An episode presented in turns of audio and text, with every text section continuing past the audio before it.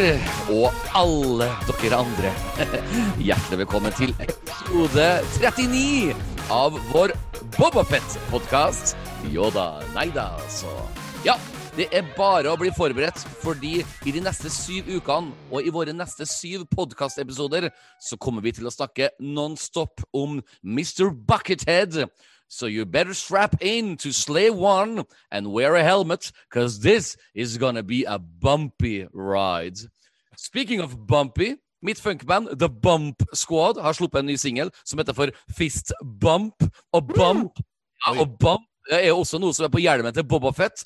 Og Bobafett-hjelmen er å finne på diverse T-skjorter fra vår sponsor godthile.com. Så ikke glem å sjekke ut deres webside for deres masse funky merchandise. Mitt navn er Petter Aagaard. Jeg eier ingen skam. Så derfor er det bra at jeg har en sympatisk partner in podcast crime som veier opp for min lovløse Bounty Hunter-personlighet. Her kommer han, Mr. Max Rebo himself.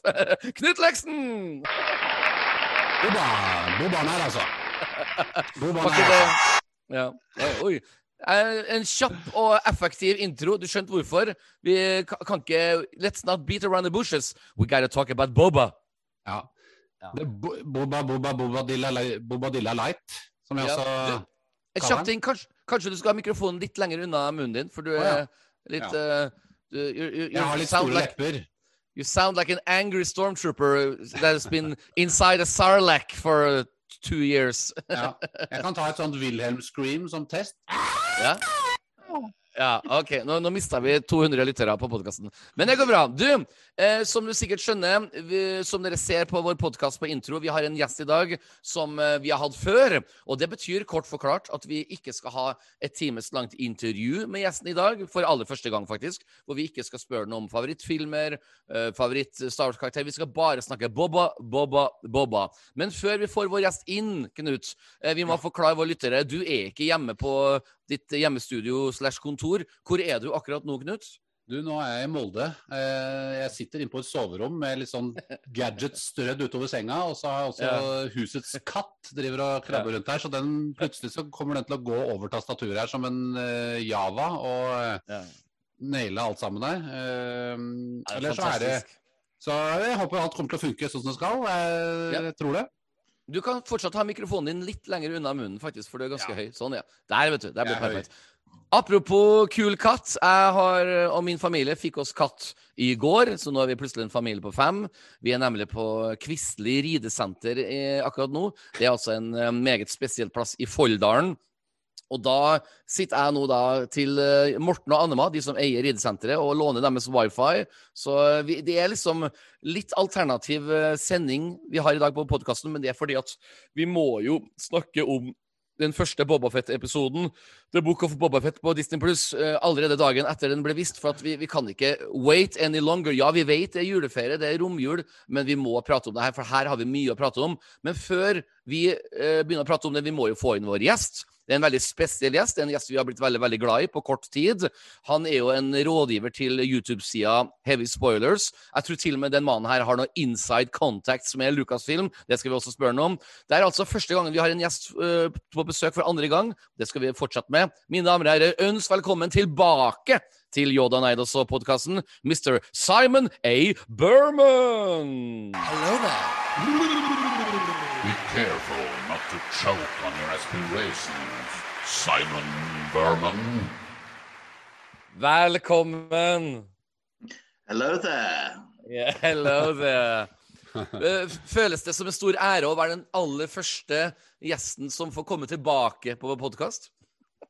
Det gjør jeg faktisk. Litt sånn ledende spørsmål, egentlig. Ja. Det, em, det, jeg, jeg må jo starte eh, med, en, med en, en avbrytelse. Jeg må jo starte å si at um, en av grunnene for at um, du er tilbake, fordi at du er en uh, splendid guy og har masse Star Wars knowledge. Og vi hadde jo egentlig avtalt at vi skal snakke sammen med deg når Bobafett-serien starter. Men hovedgrunnen er jo for at jeg skal starte med en beklagelse til deg.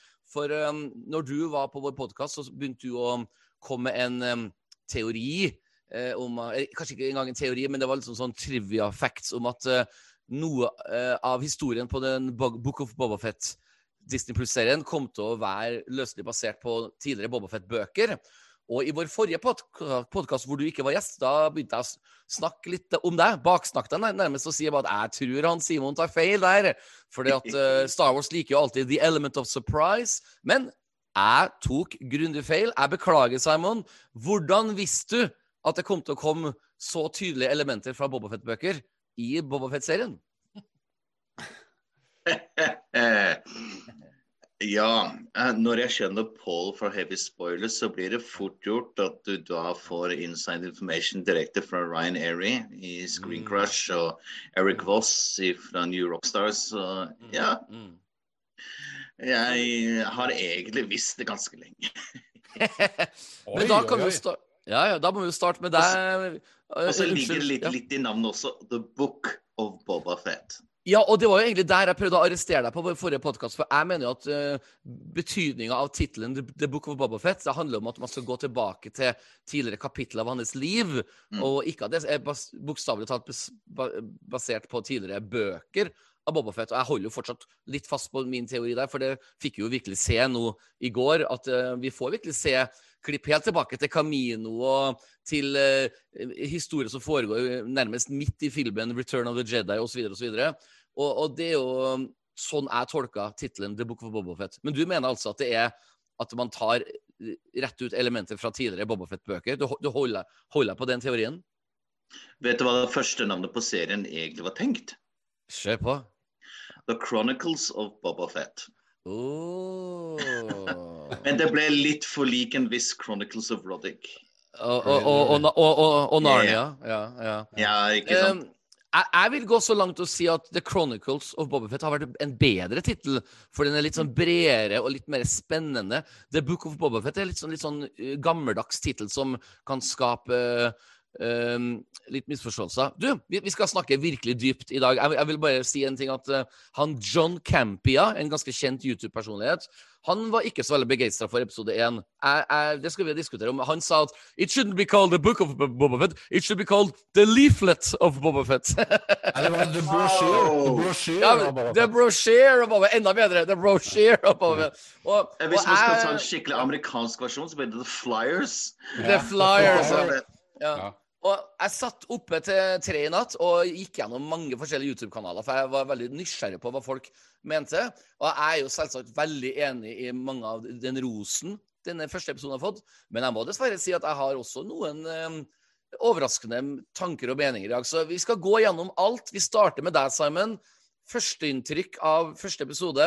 Vi skal jo gå gjennom hver eneste lille ting, men sånn overall eh, Ble du eh, pleasantly surprised, eller hva, hva, hvordan sitter du igjen med etter litt over 30 minutter med episode 1? Jeg har prøvd å holde meg unna alt av disse her TV-spottene, for jeg syns de viser litt for mye av eh, episodene. Så de har jeg unngått.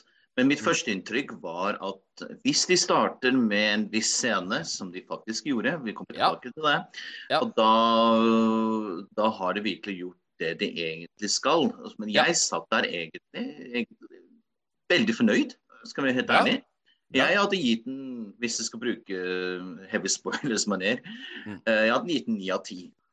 Oi, oi, oi. Oi, Og, og, det, og, og, og det skal vi tilbake til. Vi har jo terningkast her på podkasten. Ja, Vi jeg, skal gi rett- begrunnelse etterpå også. Ja, vi skal gå over til deg, Knut. Bare sånn overall førsteinntrykk. eh, Du så den jo faktisk i nitida i går kveld. Jeg så den i nitida i går morges. Jeg klarte ikke å vente. Ett over ni så slo jeg på Disney Pluss. Og Knut, eh, hva, hva føler du Hva er dine førsteinntrykk? Jeg føler at um, Bobafett var jo Jeg har jo sett mesteparten av trailerne til Bobafett, og det skulle jo tilsynelatende være bare for første halvdel av første episode. Så det skulle ikke Det være ikke. Men det stemte ikke. Det det, ikke. det er flere Enten så har de kli- klippa det ut, eller så det Eller så er det i en, en eh, forestående episode, da. Ja. Eh, Men mitt førsteinntrykk var jo Jeg hadde jo en del forventninger. Det var en del ting vi spådde som came to be, f.eks. The Sarlacc Pit. Uh, Sand, Yes, people, Sand People tungt involvert. Det var jo ikke noe Mm. overraskelse. Eh, men de, redd, de var ikke med på å redde Bobafett ut av Sarlaccen. Det gjorde Nei. de ikke. Det, det trodde vi. Eh, Ja. da, jeg er, jeg, jeg er litt skuffet over noen grep de gjorde i episoden. Jeg er veldig fornøyd med noen ting de gjorde i episoden. Ja, Eh, spesielt eh, når det kommer til disse flashbacksene og Bakta-tank. Eh, ja. På en måte Smart metode å, bru Ja, å bruke En smart metode å bruke baktatanken på, og bruke flashbacken på. Elsker den delen av Yes. episoden. Yes, sir. Eh, så vi, vi kan komme tilbake til etter hvert hva, liksom, bit Ja. for bit og del for del hva som var negativt og hva som var positivt. Men, eh, men overall eh, ikke helt blown away. Eh, ikke veldig dårlig, men ikke veldig bra heller. Så det, den ligger og vaker på en eh, OK pluss her. Kanskje Simon klarer å overbevise meg. Han har noe Ja, ja, ja. heavy spoilers, noe inside Ja. informasjon som Ja, ja, ja. eh, kommer til å vippe meg over. Ja, men, men jeg liker, jeg liker Knut og Simen er bitte litt eh, uenige, og jeg skal bli en del i midten her. For jeg må jo så klart eh, Nei, unnskyld. Vær så god, Knut. Nei, altså, det, det det er jo litt den, den episoden her virk, viser seg å være litt delt. Den virker, viser seg å være litt kontroversiell. Den, Ja. Jeg vil ikke si at den splitter like mye. Det er kanskje litt for tidlig å si allerede nå, da, at Ja. den splitter like mye som The Last Jedi. Men Mm. jeg tror noen føler at den er litt, eh, den er litt Det er litt lavt tempo. Og det Ja, er ikke så, den er ikke så hardtslående. og Det er ikke noen det er ikke noen veldig store twister eller noen sånne Nei. verdensomspennende historiske events som skjer, og noen dramatiske ting som skjer. Det er det ikke. Men, men det er på en måte det som skjer Altså flashbacks, det, som forte- eh, de, de flash, det flashbacksene forteller, det er det som Mm. gir meg den mest interessante historien Ja. i denne episoden. Nydelig sagt. Jeg, jeg kan bare ta over stafettpinnen og si at uh, jeg har jo gitt meg sjøl tidenes eh, bjørnetjeneste med å ha Bobafett som min favorittkarakter i mitt liv, eh, i, altså i Star Wars-sammenheng, siden 1985. For at uh, etter jeg så Return of the Jedi, så har jo jeg konstant uh, laga min egen Bobafett-historie i mitt hode. Hvordan han kom seg videre. Jeg har lest veldig mye av Dark Horse Comics-bøkene, som hadde mye eh, flotte løsninger på hvordan Bobafett skulle leve videre. Veldig bra skrevet, faktisk, mange av disse Dark Horse Comics. Um, eh, som for øvrig er tilbake igjen i, i, i, varmen i, Disney-konsernet. Det er en annen ting vi må, prate om. Men eh, bjørnetjeneste i den forstand at jeg hadde jo altfor store forventninger. Eh, men hovedgrunnen for at jeg hadde store forventninger, er jo for at første episode av The Mandalorian, sesong én, så får vi liksom eh, se IG-11 i slåsskamp. Vi får se eh, Mando rett inn i eh, bounty hunting, og vi får se Baby Yoda-introduksjonen på slutt med to pekefingre mot hverandre. Fucking amazing cliffhanger. Mandalorian episode én i sesong to, når John Favreau har regien, og hele episoden blir widescreen, og du har monsteret, og du har Bobafett-kostyme. Ja, du, du skjønner hva jeg mener? Det var en sånn times lang film, nesten, første episode av sesong to.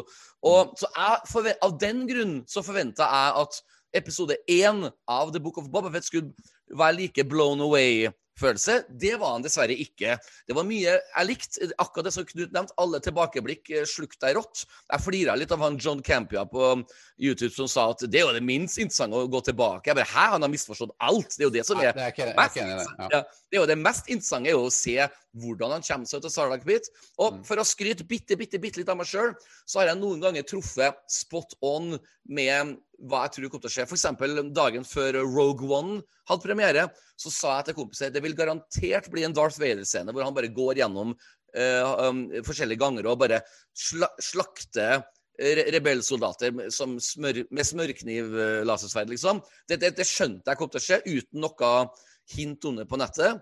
Og så skjønte jeg jo da i, i går at det vil være en Sarlacc Pit. Eh, klatrescene. Men det, det, det lå jo litt i kortene, så klart. Men la, la oss bare gå tilbake til den scenen, Simon, med komme seg opp av Sarlacc Pit. Det var en stormtrooper inni Sarlacc-piten. Og vi, selv om vi vet svaret, så må vi la våre lyttere få um, høre Simon sin begrunnelse. For at uh, det var jo ingen stormtroopers med i Sarlacc Pit-scenen i Return of Jedi. Så hva er din teori på hvor den stormtrooperen kom fra? Eh, Jeg har faktisk en teori om det, og den eh, kom jo litt på nett i går òg. Noen Ja. hadde plukket opp den. Um, jeg tror at hvis du ser i episoden i går, så er det det at de skal komme med sine respect til uh, crime-lorden. Yes. Og mest sannsynlig så har imperiet kommet der og prøvd å forlangt et eller annet av eh, Jabba. Mm. Og siden ja, Stormtroopers har jo drakter, i den forstand. Uh, de hadde klart å forsvare seg ganske bra, hadde gitt vondt i magen til Rancorn. Så de fant en litt annen måte å vise eh, styrken sin på, da. Og føre disse stormtrooperne til Salaken. Og så hvor de blir eh, sakte fordøyd i tusen år.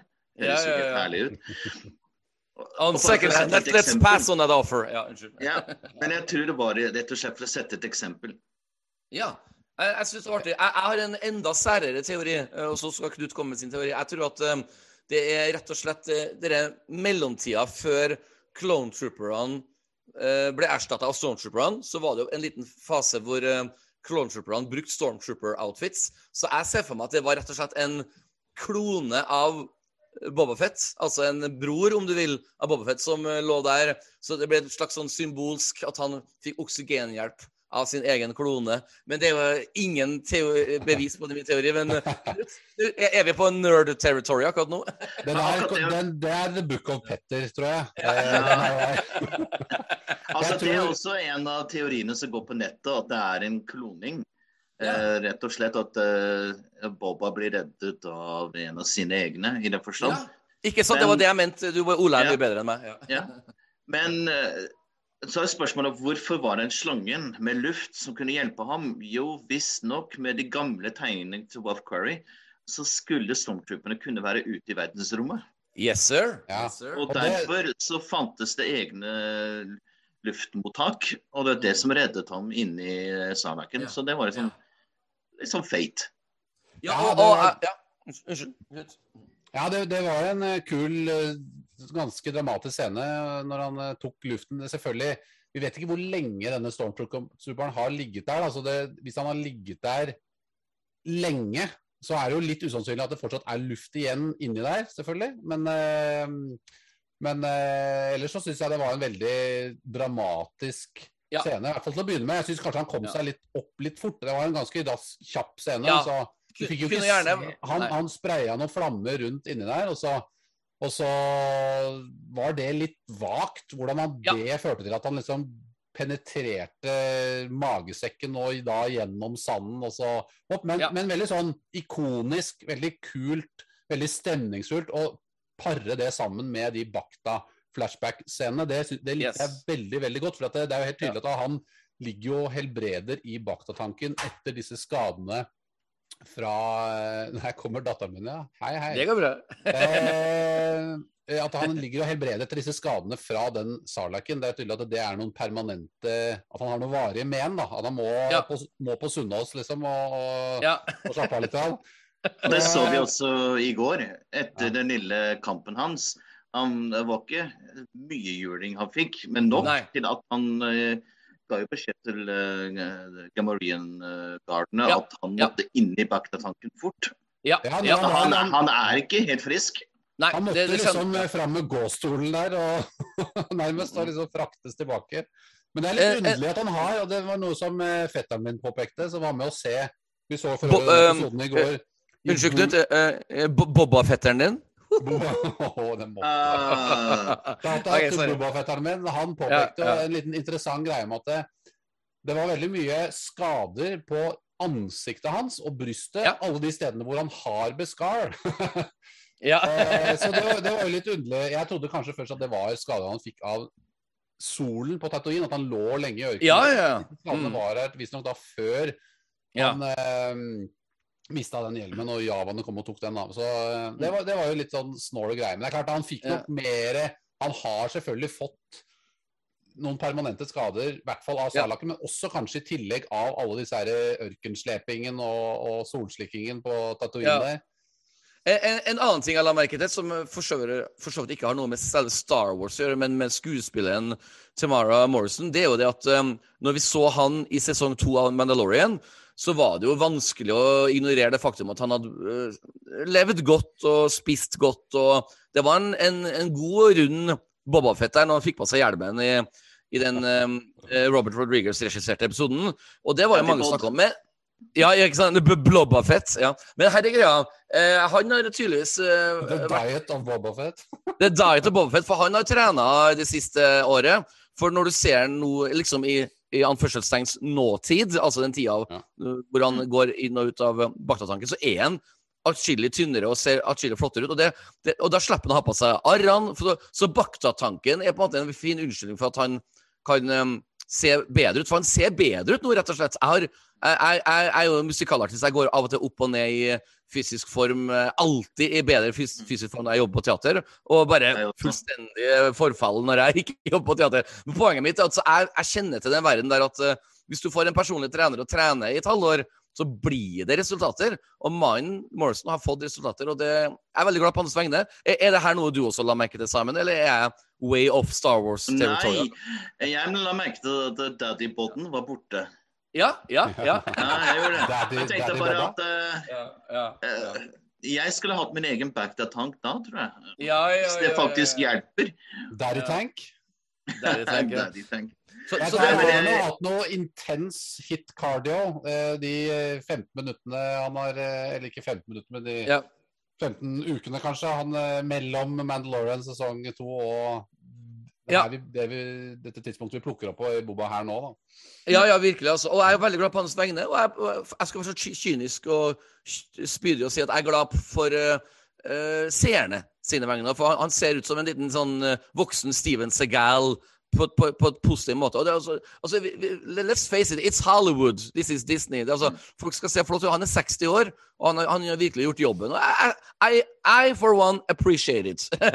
jeg blir litt inspirert, da, for å si det rett ut. Jeg er 43 år og blir inspirert av voksne menn som klarer å ta seg sammen. Så jeg har ingenting med Star Wars å gjøre, men I, I did notice it. Men gutta, vi skal komme Jeg tilbake har, til jeg har en liten kommentar her, Petter. Ja, ja. Eh, Jeg er helt enig med det med når det er med teater og musikaler og sånn, at du går Ja. ned i vekt. Da jeg var med i My Fair Lady i Fredrikstad, så gikk jeg ned Ja. kilo.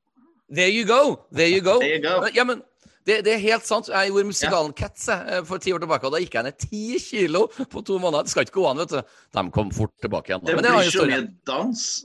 Ja, det blir så mye dans. Det blir så mye dans. Folkens, apropos dans, that's, that's a strange thing.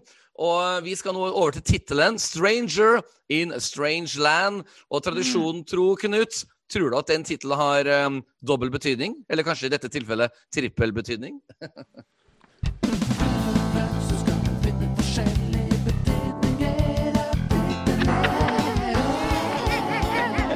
Han å finne de? Ah, nydelig. Vær så god, Knut. Jo, jo, takk.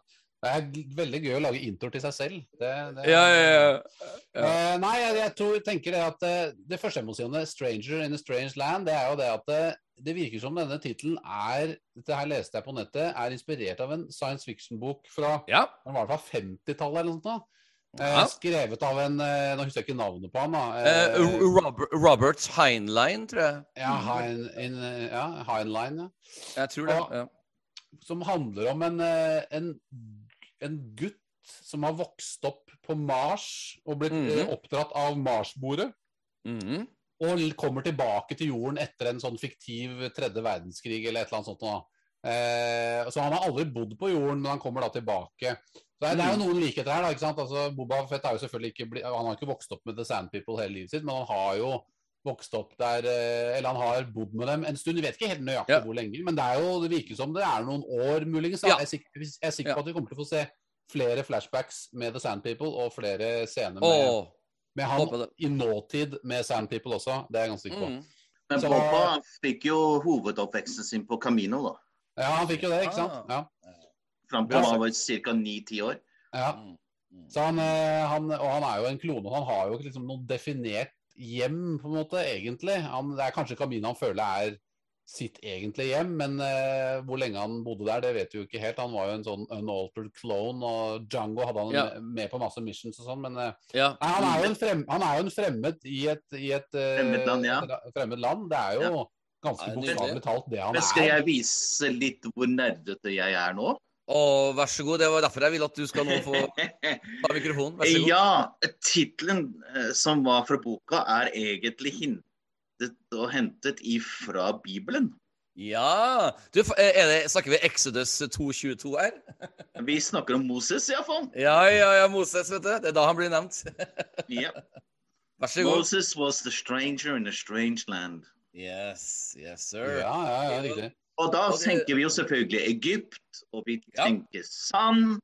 Ja. Og da har, der har vi Bobofet og Tatooine, så det passer jo veldig bra.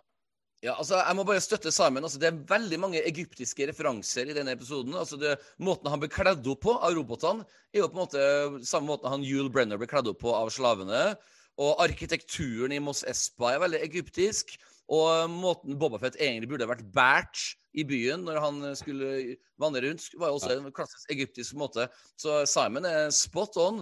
Og jeg er jo veldig Mm. glad i sånne egyptiske referanser. Så det er Moses, altså, rett og slett. eh, eh, Det var ikke bare Egypt som ble he heavy referert i går, men det var også Japan ja. og eh, spaghetti westerns.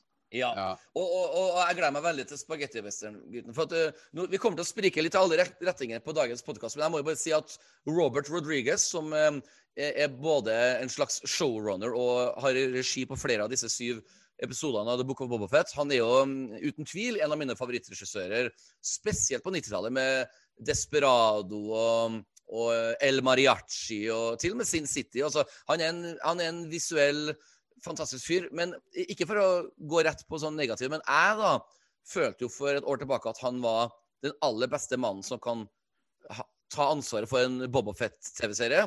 Men jeg merker jo nå at han har blitt litt disneyfisert i den forstand at jeg skulle jeg håpa og trodde at det skulle være enda litt skitnere og enda litt råere, men det er veldig safe, det her. altså. Er, er det noe du har registrert sammen? At det er jo virkelig en Disney Pluss-serie hvor ti år gamle gutter kan se på uten å få mareritt. Det, det burde vært litt mer gritty. Den har tolvårsgrense, i motsetning til Mandalorian, som hadde 14. Mm. det, visste, det visste jeg faktisk ikke. Jeg, fått, De, prøver, jeg, jeg vet, prøver, de prøver å legge seg på en Return of the Jedi-stil. ja, ja. Det kan jeg røpe med en gang. Det kommer jeg til å legge merke til i neste episodene. Mm, mm. Eh, Det er jo, på, i, I mange år av mitt liv så var det min favoritt-Star Wars-film, så det er helt OK. men men det, er, det er noe jeg, jeg vet ikke hvordan jeg skal ordlegge meg, men jeg føler at Robert Rodriguez um, skulle få, burde fått enda litt mer frihet i, uh, i røffheten. For at det, det Ja. er, blir litt for cleant av og til også. Og Ja, det er, jeg kjenner Ja, ja, her er jo noe av hovedproblemet. Jeg må bare slenge Ja. på det i og med at du har kommet inn i det temaet der. og det, det er Mitt hovedproblem med denne episoden her, jeg håper jo ikke det er noe som fortsetter i de neste episodene, men Mm. og det er at eh, for eksempel, Ta den scenen da, som dere sammenligner med det egyptiske, når han får kledd på seg alle disse gadgetene av de droidene. Ja.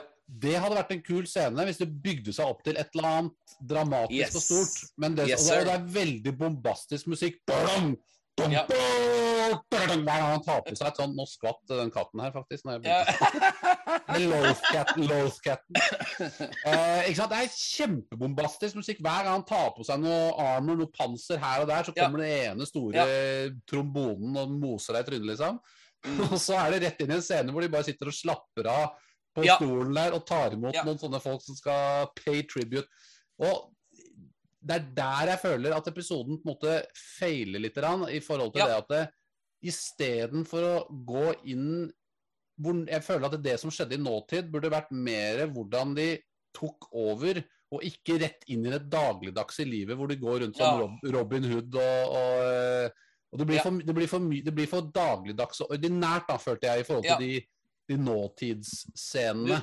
Du sitter, Eh, ikke, du, du sitter ikke on the edge of your seat, liksom. Men hver Nei. gang det er en Bakta-tank-flashback, da Ja. følger vi med. Så jeg, jeg tok meg sjøl til å rett og slett blunke litt og, Ja. og, og og øh, nesten gå glipp av noen settinger som Ja, ble sagt. du, du føler ikke noen konsekvenser eller dramatikk dramatikk i de tingene som skjer i nåtid. Og Mm, det, mm. det ødelegger litt for denne episoden. Den ødelegger ikke helt. altså Det er jo helt OK, helt greit. Og, Ming, og Ming-Na og Tamera er jo gnistrende, syns jeg, i rollen. Ja, ja. Flere ganger jeg syns de har bra Mm. dialog, bra kjemi, alt det der her. Og de er Mm. åpenbart veldig eh, kapable fysisk eh, til å Ja. gjøre actionscener og sånn. De er godt trente osv. osv. Men Ja. det er også Det er en actionscene midt i der som på en måte starter ganske kult med disse vaktene som dukker opp, som jeg sannsynligvis tilhører disse her, det er han ordføreren. da. Ja, Det ja, det, det ja, absolutt. Ikke, men, men, men Ja. det. Maybe. Ja, Maybe, maybe. Men, maybe not. Det, det vet vi ikke Ja. Da. Og den scenen er Hvis du legger merke til tempoet i koreografien der, så, Ja, så ja. tenker jeg liksom to ting. Enten så prøvde de vaktene å låse dem inne, derfor så gikk Ja. det så sakte. Eller så er den Ja. bare clunky koreografert. Ja, det gikk ja. veldig sakte. Det var liksom ett slag, bong, Ja. Og så var det noen sånne oversiktsscener hvor Ja. ting fløyt ikke på en naturlig eh, Nei. og en underholdende tempomessig måte. Ja. Det var litt sånn, det var ikke dårlig, men det var ikke Nei. i den samme kvaliteten som vi hadde i episode 6 i sesong 2 og Eh, andre Star. Wars-ting for øvrig. da. Jeg, jeg, må bare Eh, støtte deg det hadde at, litt med eh, aldersgrensen å gjøre, tror jeg. Ja, Ja, det kan, kan være det. Kan være det. Men det, Ja, det syns jeg på en måte da tar Altså, Vi sitter jo med forventninger i forhold til den episoden som Bobafett var med Ja. i The Mandalorian, som var så bra, og så intens og Ja. såpass hardtslående. Ja, hvis du tar bort noe av den identiteten, så vil du skuffe litt. Men det er klart, det, du kan gjøre mye i aldersgrense tolv år òg. Altså, jeg så f.eks. Venom 2 her. Der blir jo folk spist og slakta og spiddet på alle mulige måter på en uh, tolvårs aldersgrense. Så det er Men ikke sant, Disney forholder seg jo ikke til norske regler. Nei. Nei, men jeg, jeg må bare støtte Knut før Simon får prate, for at jeg er jo eh, 100 enig med det Knut sier. Og jeg og Knut har ikke prata om det her på forhånd. Men to, to, to sekunder. To sekunder. Hva, hva sa du? Nå ligger Ja, og jeg- seg på Ja, ja, ja, jeg, tror det kommer, jeg tror det kommer en fireåring inn i huset, men det går bra. Ja, det er Eh, spennende. he- Ja, det er spennende. Her- Her er greia. Uh, uh, uh, off guard there. En liten youngling. Her er greia. Um, Knut sa det så bra, for det var råere actionscener av Bobafett i The Mandalorian enn det er av Bobafett i Bobafett. Og, Yes. og, da, og når jeg så episoden på nytt igjen klokka ni i går kveld, for øvrig sammen med Knut via sånn group watch, så følte jeg ekstra nøye med på de actionscenene der. Fordi at jeg følte at jeg hadde gått glipp av noe klokka ni om morgenen. for at eh, jeg syntes det var kjedelig, men det var like kjedelig. Og jeg, og jeg så den på en 85-tommer med høy lyd. Ja. Og Ja, allikevel ja. så følte jeg at den actionscenen ikke var 100% Den ble liksom 50-60. Ja. Eh, ja. Så tok det seg litt opp når, når Ming-Na følger etter disse her Der kommer uh, The Youngling. The Jeg, fikk jeg youngling. Skal du si hei? Skal du si Bobafett? Boba Fett. Ja. Ah, good. Good. Good. I taught him well. Ja, det artig. Men du. Paw Patrol-leker, så kommer du og setter her. Ja. Sånn, nå, Det var én ting med den slåsskampen der egentlig som jeg satte fingeren på. Ja. ja, vær så god, vær så god Simon. Why didn't they go for the feet? Og Han har, jo pokker, han har jo flammekaster. Han kunne brukt den på beina under skjoldene. Ja. Men nei da. Nei, det, det, det var det er, noe rart. ja. Det er elementer du ser, Det er, en, det er en, som, en scene som vi også ser i traileren, hvor du får et sånn halvveis nærbilde av Tamara når han dundrer den derre stikken sin eller et eller annet våpen han har, slagvåpen han har i hånda, ned på en av de gardene, og så har, får han en sånn maorisk warface. Ja, ja. Dere, skjønner sikkert hvilken scene jeg sikter til. Ja, ja, ja. I sesong to med Mandalorian så hadde du i tillegg til det sett eh, f.eks. brystplaten eller skjoldet eller trynet til han som han slo ned, liksom splinter i fillebiter. Det fikk vi liksom ikke se her. Nei. Der tror jeg du har rett, Simon, at det kan ha noe med aldersgrensen å gjøre, og at de går for en mer snillere variant. da. Og så, Men- så prøv, De prøvde å fokusere litt på Tamara akkurat der, for å liksom gjø, kompensere litt for det og få med noe av det. Men Mm. det ble liksom ikke helt nok, da. Nå er jeg kanskje veldig inne i detaljene. Nei, nei, nei, nei, nei ja, men du, jeg, jeg, har et ganske bra k- kommentar nå som jeg vil at Samen skal svare på. Og det er jo det at um, jeg tror at alle disse lange snakkescenene som Knut nevnte i stad, som var litt um, småkjedelige, de kunne gjerne ha vært med i episoden hvis episoden har vart i 60 minutter. For jeg forventer jo at uh, nå skal du blow people away. På hver eneste bussholdeplass i Trondheim så er det plakater av Bobafett. Og da tenker jeg at nå skal folk sette seg den 29. desember og se på første episode. Og så varer den bedre meg i litt over 30 minutter, bare for det er jo rulletekst resten av Ja. filmen. Og da kunne sånne snakkescener vært med hvis det hadde vært mer handling. Så Simon, hva, hva tror du er grunnen for at førsteepisoden i en nysatsing, så, så, så, så du sier, eh, var så kort? Den var jo altfor kort. Når, når episoden var ferdig, Ja. sa jeg Was that it? Og husk meg, det er mitt idol i Star Wars-verdenen, Bobafett. Og da skal ikke Petter Aagaard si Is that it? Når denne episoden er ferdig. Nei, nei. Når jeg så på hvor lang tid det var, altså Ja. 38 eller 39 minutter med Ja. rulletekst og Ja. navn på alle disse dubberne Ja. Ja. Eh, Men jeg tror egentlig at det var tiltenkt å ha seks episoder. Okay. Så jeg tror at uh, denne Episode første burde- ja. episoden har blitt delt i to. Tror jeg. Ja.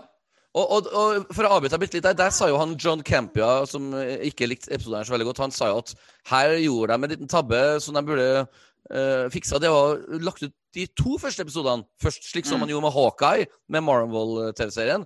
For Hawkeye er liksom en relativt ny karakter for folk flest å, å bli godt kjent med. Og da gjorde Marvel og Disney Plus det rette med å legge ut de to første episodene samtidig. Det burde man gjort med Bobofet også. Altså. De gjorde det samme med WandaVision òg, men det var bare rett og slett for de var ikke helt 100% sikre på om folk hadde egentlig forstått det her sitcom-situasjonen. ja, ja, ja. En, en liten digresjon der eh, som du kanskje ikke har fått med seg, men jeg synes fortsatt at WandaVision er det beste Marvel har gitt ut på Disney Pluss noensinne. Ja, det er jeg helt eh, uten tvil. Helt enig. Så artig, altså. Så artig altså. Ja, ja, jeg, jeg likte. WandaVision veldig godt. Ja, ja. Genial. jeg, bare jeg tenker på WandaVision, så begynner jeg å smile, for jeg ble så tilfredsstilt av den serien. Jeg, jeg flirer av mine venner som sier at den var dårlig. Jeg flirer av dem på en sånn arrogant måte. Så, å, stakkars dem. De skjønte ingenting. Men det er jo Mandalorian foreløpig, Mandalorian og WandaVision som er de to sterkeste seriene i Marvel og Star Wars uh, foreløpig. Ja. Ja. Nå er jo Boba Fett veldig ung fortsatt, da. men det, jeg håper ikke at de blir for safe og blir for trygge i buksene sine, og at de neste seriene blir litt tamme av den grunn. At de Ja, har liksom ja. all infrastrukturen, de har alle kostymer, de har alle koreografene, og så kommer de på ah, nå skal vi jobbe litt igjen, vi bare bytter, vi snur den bygningen der, og så kan Bobafet Ja. Ha på seg Han kan bruke den samme koppen og drikke te av den som han gjorde der, og så bare flytter vi litt der, og så Altså, de må ikke bli for eh, De må ikke bli for Nei, mange soveputer, da. Så Å, jeg, eh, jeg, jeg, jeg Men det var det, var det jeg følte litt når de gikk rundt eh, på Tatooine og slappa av. Men Knut, jeg kan love deg det blir, det blir mer action. Ja, Ja, ja, men. Jeg, jeg skjønner det. Og det og, Jeg kan ikke og- si noe mer enn det, men det blir mer action. Ja, og det, og det skjønner jeg, og jeg, jeg, jeg vet, og jeg vet det også egentlig.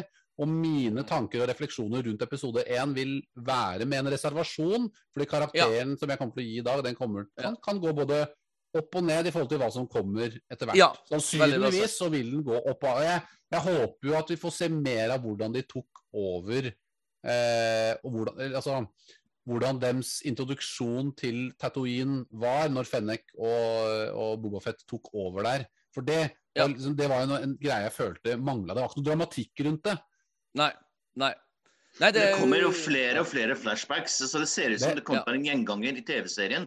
Det er Ja. flere scener vi vet mangler fortsatt, og det er Ja. Toshi Ja. Station uh, mangler vi. Vi ser han har på det, det hvite drakta. Ja. Det er overalls, eller PJs, som noen omtalte det som. og så vet vi at han står utenfor uh, Palace uh, til Jabba og ser uh, Ja, det- Slave. Ja. Og vi ser den kommer inn, så det, det, er, det er fortsatt mye igjen. Ja, Jeg- jeg- må da er det, men det er, da er det rart at Robert Rodriguez har gått ut og sagt at alle, all fotografi, alle scener er Ja. fra første halvdel av Vet Ja. han ikke Er det andre folk som sitter og klipper det, traileren? jeg skulle akkurat si det. Det er andre folk som redigerer trailerne, så han har ikke peiling hva han snakker om. ja, ja, jeg tror nok det er mest sannsynlig. Jeg tror, jeg vil, hvis, de har sle, hvis det er slettede scener, så blir jeg veldig overrasket. Det tviler jeg veldig sterkt på. Ja, Men det er, som, det er som Simon sier, og det er jeg helt sikker på, den der, det der fortellergrepet med at han ligger i baktatanken og får se flere flashbacks. Vi kommer til å se ma mye Ja. mer av det. Ja. Og, um, Jeg, jeg jeg synes det var kult med det, veldig kult med flashbacket til Genosis, Geonosis, hvor han Ja! på, ser hodet til faren sin. Og jeg klarte jo ikke å la være å tenke på Mace Windu når jeg så det. Ja, ja, ja, og, og det var veldig artig, Knut, for jeg skulle faktisk inn på, jeg skulle akkurat ta, ta en liten sånn interlude her og si at uh, jeg og Knut er jo veldig på hugget nå, og Simon er på en måte uh, fredsmegleren som prøver å være positiv, og det beundrer, ja, men, ja, det beundrer jeg Simon for. Så jeg skulle akkurat nå gå inn på den Genosis-scenen og si at uh, For jeg er jo så nerd at jeg la jo så klart merke til at den Genosis-scenen det er jo scener, altså de, de klippene vi får se av eh, unge Bobafett som løfter opp hjelmen til far sin Jango Fett, det er jo klipp som ikke var med i Attack of the Clowns. Det er altså, altså um, B-roll footage, eller hva man kaller det for. Og sånne detaljer elsker jeg. Så du får på en måte se Ja, ja, den, den scenen Ja. hvor du ser han plukke opp hjelmen, den er jo fra Attack of the Clowns. Faktisk ikke. Det er annen kameravinkel. Ja, er det det? Ja, det er Ja, det. ja, Ja, Men jeg, men jeg skal rette dere begge to. Det er to Ja. scener.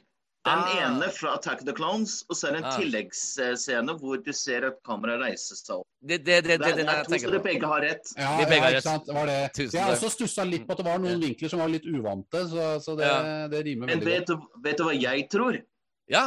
Når jeg satt der Og man har jo hørt om en sånn secret guest som skal være med i serien. Og hvorfor viser de akkurat den scenen der, tror du? Mace Windu! Ja, ja, ja, jeg, klarte ikke å la være å tenke Samuel på det. L. Du si- Jackson blir den store cameoen Ja. i denne serien, tror jeg. Ja, men hvis, og hvis han, men hvis han dukker opp, så tror jeg ikke det bare blir en cameo, faktisk. Fordi at han, hvis de først introduserer Samuel L. Jackson, eller Mace Windu, da, så, så bringer du inn en karakter i universet som ville være den personen Boafett hater mest av alle, for han drepte faren Ja. hans. Og Ja, da men- må det skje noe mer. Ja. Men Bobafett har endret seg. Ja, ja, ja. ja det Han har nå sagt. bodd i ca. fem år sammen med Ja. Tusken Raiders, Sand People, Ja. eller Sand Raiders, eller Ja. Tusk People, eller hva du kaller dem. Kjære Ja. folk har mange navn. Ja, Vi får er politisk korrekte her. ja, ja vi- virkelig. Som Paul sa. Ja, jeg husker jeg husker. Raiders. Ja. Tuskens of the New Republic. Ja. Men han har jo egentlig forandret hele væremåte. Det er som han Ja. sier Jabba ruled with fear. ja. I will rule with respect. Det er veldig, veldig Og sant. det Og- har han fra The Tusken Raiders. Og så, Ja. du, så må vi også snakke om, og det har kanskje du noe, noen eh, faktating å komme med fra, fra, fra dine heavy inside information channels. Og det er eh, Tusken Raiders-gruppen vi møter her, har jo en annen bekledning. De har jo også en bekledning som vi ser at Bobafett går rundt i. Han går rundt i den svarte eh, onepiecen sin, eller hva jeg skal, hva jeg skal kalle det. Ja. Og Det er jo den samme som de bruker. så er helt klart at Han, han bruker dems eh, etik ikke, ja, etikette, kan du godt si også, men så han la dere jo- merke til en forskjell til. Eh, jeg, jeg, jeg, jeg kan gjette. ja, altså, Det- ja, det var jo hjelm... Altså, eller den der mouthpiecen deres er litt Ikke bare det, men også teltene. ja, bra Ja, observert. Legg merke til teltene her. Ja. Det er Eh, også en viktig ting her. Ja, det her er en Disse annen hyttene til type. Tusken Raiders er egentlig mer fast. Men disse Mm. teltene viser mer at det her er nomader. føler jeg. Ja, Ja, det er- ja. Veldig bra sagt. Eh, en annen ting jeg har tenkt på, er at alle Tusken Raiders du har sett i tidligere Star Wars-filmer og Star Wars-serier, eh, har identiske klær på seg. Og her, gjengen her har virkelig eh, This is the gypsies of uh, Tusken Raiders. Ja. Og jeg må jo si det at alle disse scenene med The Tusken Raiders, eh, stort sett alle der, er veldig bra. Og det er også veldig lange sekvenser uten dialog. Som jeg syns er veldig Ja. kult. Altså Det hviler bare på liksom spenning, hva skjer nå? Litt sånn eh, litt, Mm. eh, Man vet ikke helt hva som kommer til å skje videre i scenen. Også det, den Ja. scenen med dette der, eh, de hundene som jeg ikke husker hva heter nå. Hvor han prøver å befri seg selv. ved sauer. Kro Hva? krokodillehunde. Ja. Ja. Max, Mastiffs. Eh, ja. Ja. Som er sikkert jeg kommer fra, er, er ikke det en hunderase i virkeligheten? Mastiffhund, eller hva? Jo, er noe? men de har en sånn der eh, alligator Ja. ja. Nei, det var, den var... scenen hvor han prøver å befri seg fra, ved å kutte av tauene også, veldig spennende scene. For det er dyret ja, ja, ja. senser at han er i ferd med å gjøre noe, og så er det liksom Ja. frem og tilbake til det. Og, og la ikke merke til at etter han slår dyret i svime, så koser han litt med det, så han viser litt Ja. sympati til dyret. Men det er for å vise at han er en sånn anti-hero. da, At han er ikke Ja. helt slem. Nei. Og det er veldig viktig at eh, man skal være snill med dyra. Så Ja, det er litt ja, sånn ja, der Men, men det er det, det, det, er derfor han har alltid vært mitt store eh, favorittperson i Star Wars. For han er dere verken god eller ond. He's something in between. Og jeg har alltid følt at uh, mitt liv har også vært det. Jeg, jeg tenkte det med, med Sand People var noe som gikk igjen som en gjenganger. Nemlig det føydale systemet i Japan med maktposisjoner. Og det ser vi bl.a. Tusken Raiders, er en maktposisjon. Med, med Boba Fett og alle disse skal, som vi skal vise tribute, altså maktposisjon. Så det er veldig mye med maktposisjoner i første episode også. Ja, Ja, det, er, det, er jo en høvding, det er jo en høvding der blant disse Tusken Raiderne. En, en chief som på en måte tar de siste avgjørelsene, virker det som. da. ja. Og, og Men- det virker jo som, virker jo som Boba og han uh, Slimo uh, Rodion, som også er Ja. eh, tatt i fange. Ja. Don't you put it to Slimo? Det er bare Slimo jeg får med meg. Men han, eh, han eh, De er jo rett og slett hanka inn som slaver, virker det som. De, de skal tjene dem, de skal tjene sine herrer som slaver, rett og slett som tjenere. Og det, med, det så vi også fra Attack of the Clones, at uh, mora til Anakin Ja. er Ja. også bundet på en annen måte. Men det ser Ja. ut som de har mer mer respekt for kvinner, så de får lov å være inne. Mens ja. mennene må være ute i sola. ja. Og, Ja. Ja, men og, tenk litt på det. Ja, ja. og da kommer vi jo inn på en ganske interessant scene, for å si det mildt. Og det er jo når han unge Sandpeople-gutten tar med altså Bobba og uh, søskenbarnet til Greedo eh, ut eh, for å finne litt vann. Så kommer et monster opp, og det monsteret minte jo meg så klart om sånn, noe jeg spilte mot i Mortal Kombat 2 i, i 1993. liksom. Men, uh, uh, Et litt sånn ledende spørsmål, Simon, og til deg, Knut. Var det monsteret egentlig i, eh, i ekte Star Wars-ånd, eller ble det liksom litt mer sånn eh, Ringenes herre-vibb over det designet, eller er det For I, I, jeg, It kind of rubbed me the wrong way. Jeg, bare så, jeg følte plutselig at jeg ikke så på Star Wars. Ja, det er monster i Star Wars òg. Jeg bare følte at monsteret her ikke var helt Star Wars. Vær så god, Simon. Alle de som ikke trodde at det var en rancor med en gang, de lyver. Ja, ja, ja. De prøvde å legge opp til med klørne, med Ja, den ja. ryggen som kommer opp. Alle tenkte Ja. at nå kommer en rancor, men det var det ikke. Men den figuren her var bygget på en av disse figurene som Jeg sendte også bilde til eh, Paul i Heavy Spoilers Ja. eh, med det. ja. Eh, Et av bildene jeg sendte med Boba Fett, ble faktisk brukt i ja. sangen. Men um, jeg tror at det her er en liten hyllest til Ray Harryhausen. Ja, det er det. det er helt... Ah, det er det, Creature ja. of the Black Lagoon tenkte jeg på. Jeg tenkte mer på den der derre åh, Hva heter den øh, den filmen oh, ja, Jeg husker ikke nå, men det er en figur. Jeg kan sende bilde til deg etterpå. Ja, den er et, det hvor den ligner på? 50 000 miles, eller Ja. eller- ja. Ja, den, ja. ja Et eller annet sånt. Ja. Ja. Jeg tror jeg har sett den, faktisk. Ja, jeg, jeg, jeg tror det bare den, den har jo ikke så mange bein, da, men uh, Nei, men, har litt, jeg tror det bygger på den. Hvis du ser Creature from the Black Lagoon også, så er det veldig identisk ansikt og fjes også. Det var vel Ja. bare en mann i en drakt, tror jeg. Det var vel ikke stop motion, så det var vel ikke Ray For de som ikke vet det, Ray Harryhausen er vel en sånn pioner innen stop motion-monsteret. da. Men, men eh, unnskyld at jeg avbryter begge to. Nå skal jeg være litt cocky og si at det, det dere egentlig sier nå, er at jeg hadde egentlig rett i det faktum at jeg følte at det her ikke var Star Wars. ja, ja.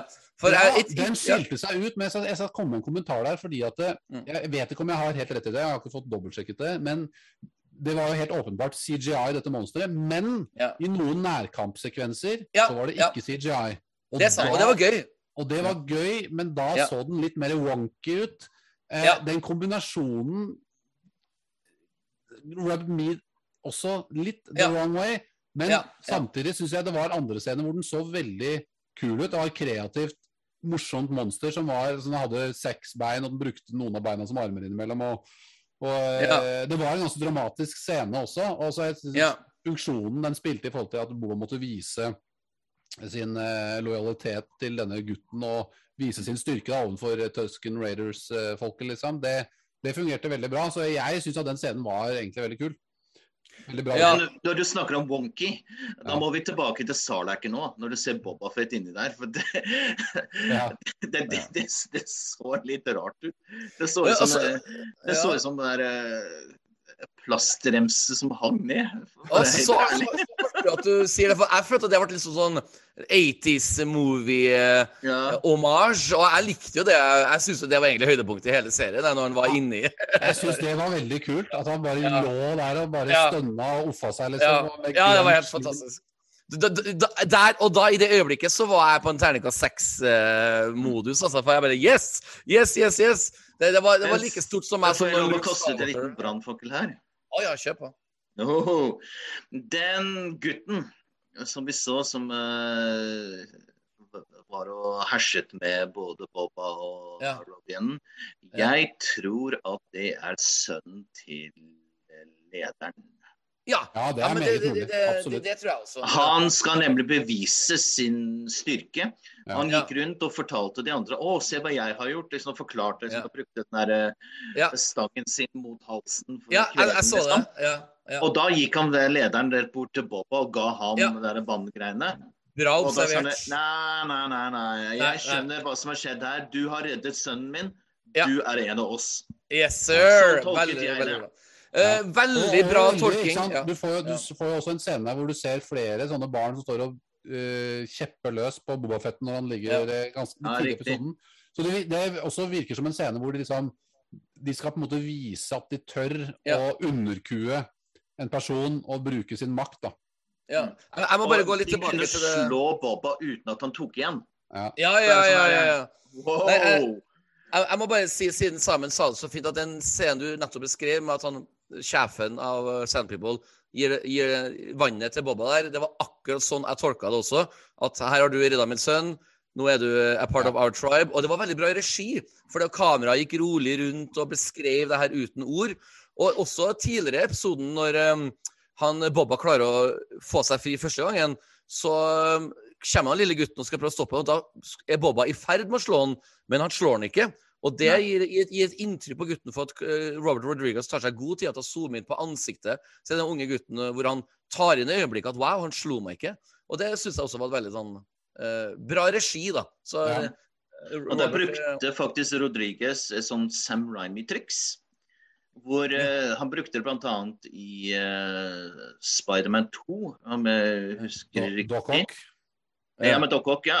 Hvor han, eh, en av naboguttene hjelper Aunt May med å rydde og sånt nå. Og når gutten snakker med Peter, når det er Peter som snakker, så ser kameraet opp mot uh, Toby Maguire.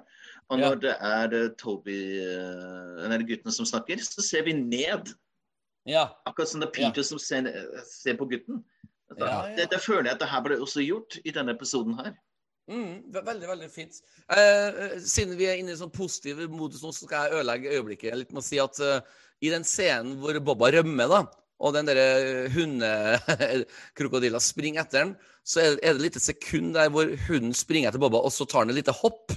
Og hopper på Bobba, og da satt jeg klokka ni i går morges og bare oh, det var dårlig CGI. For det er, sånn, det, det, det er så rart at de ennå ikke har knekt CGI-koden med å få til Hopping, ja.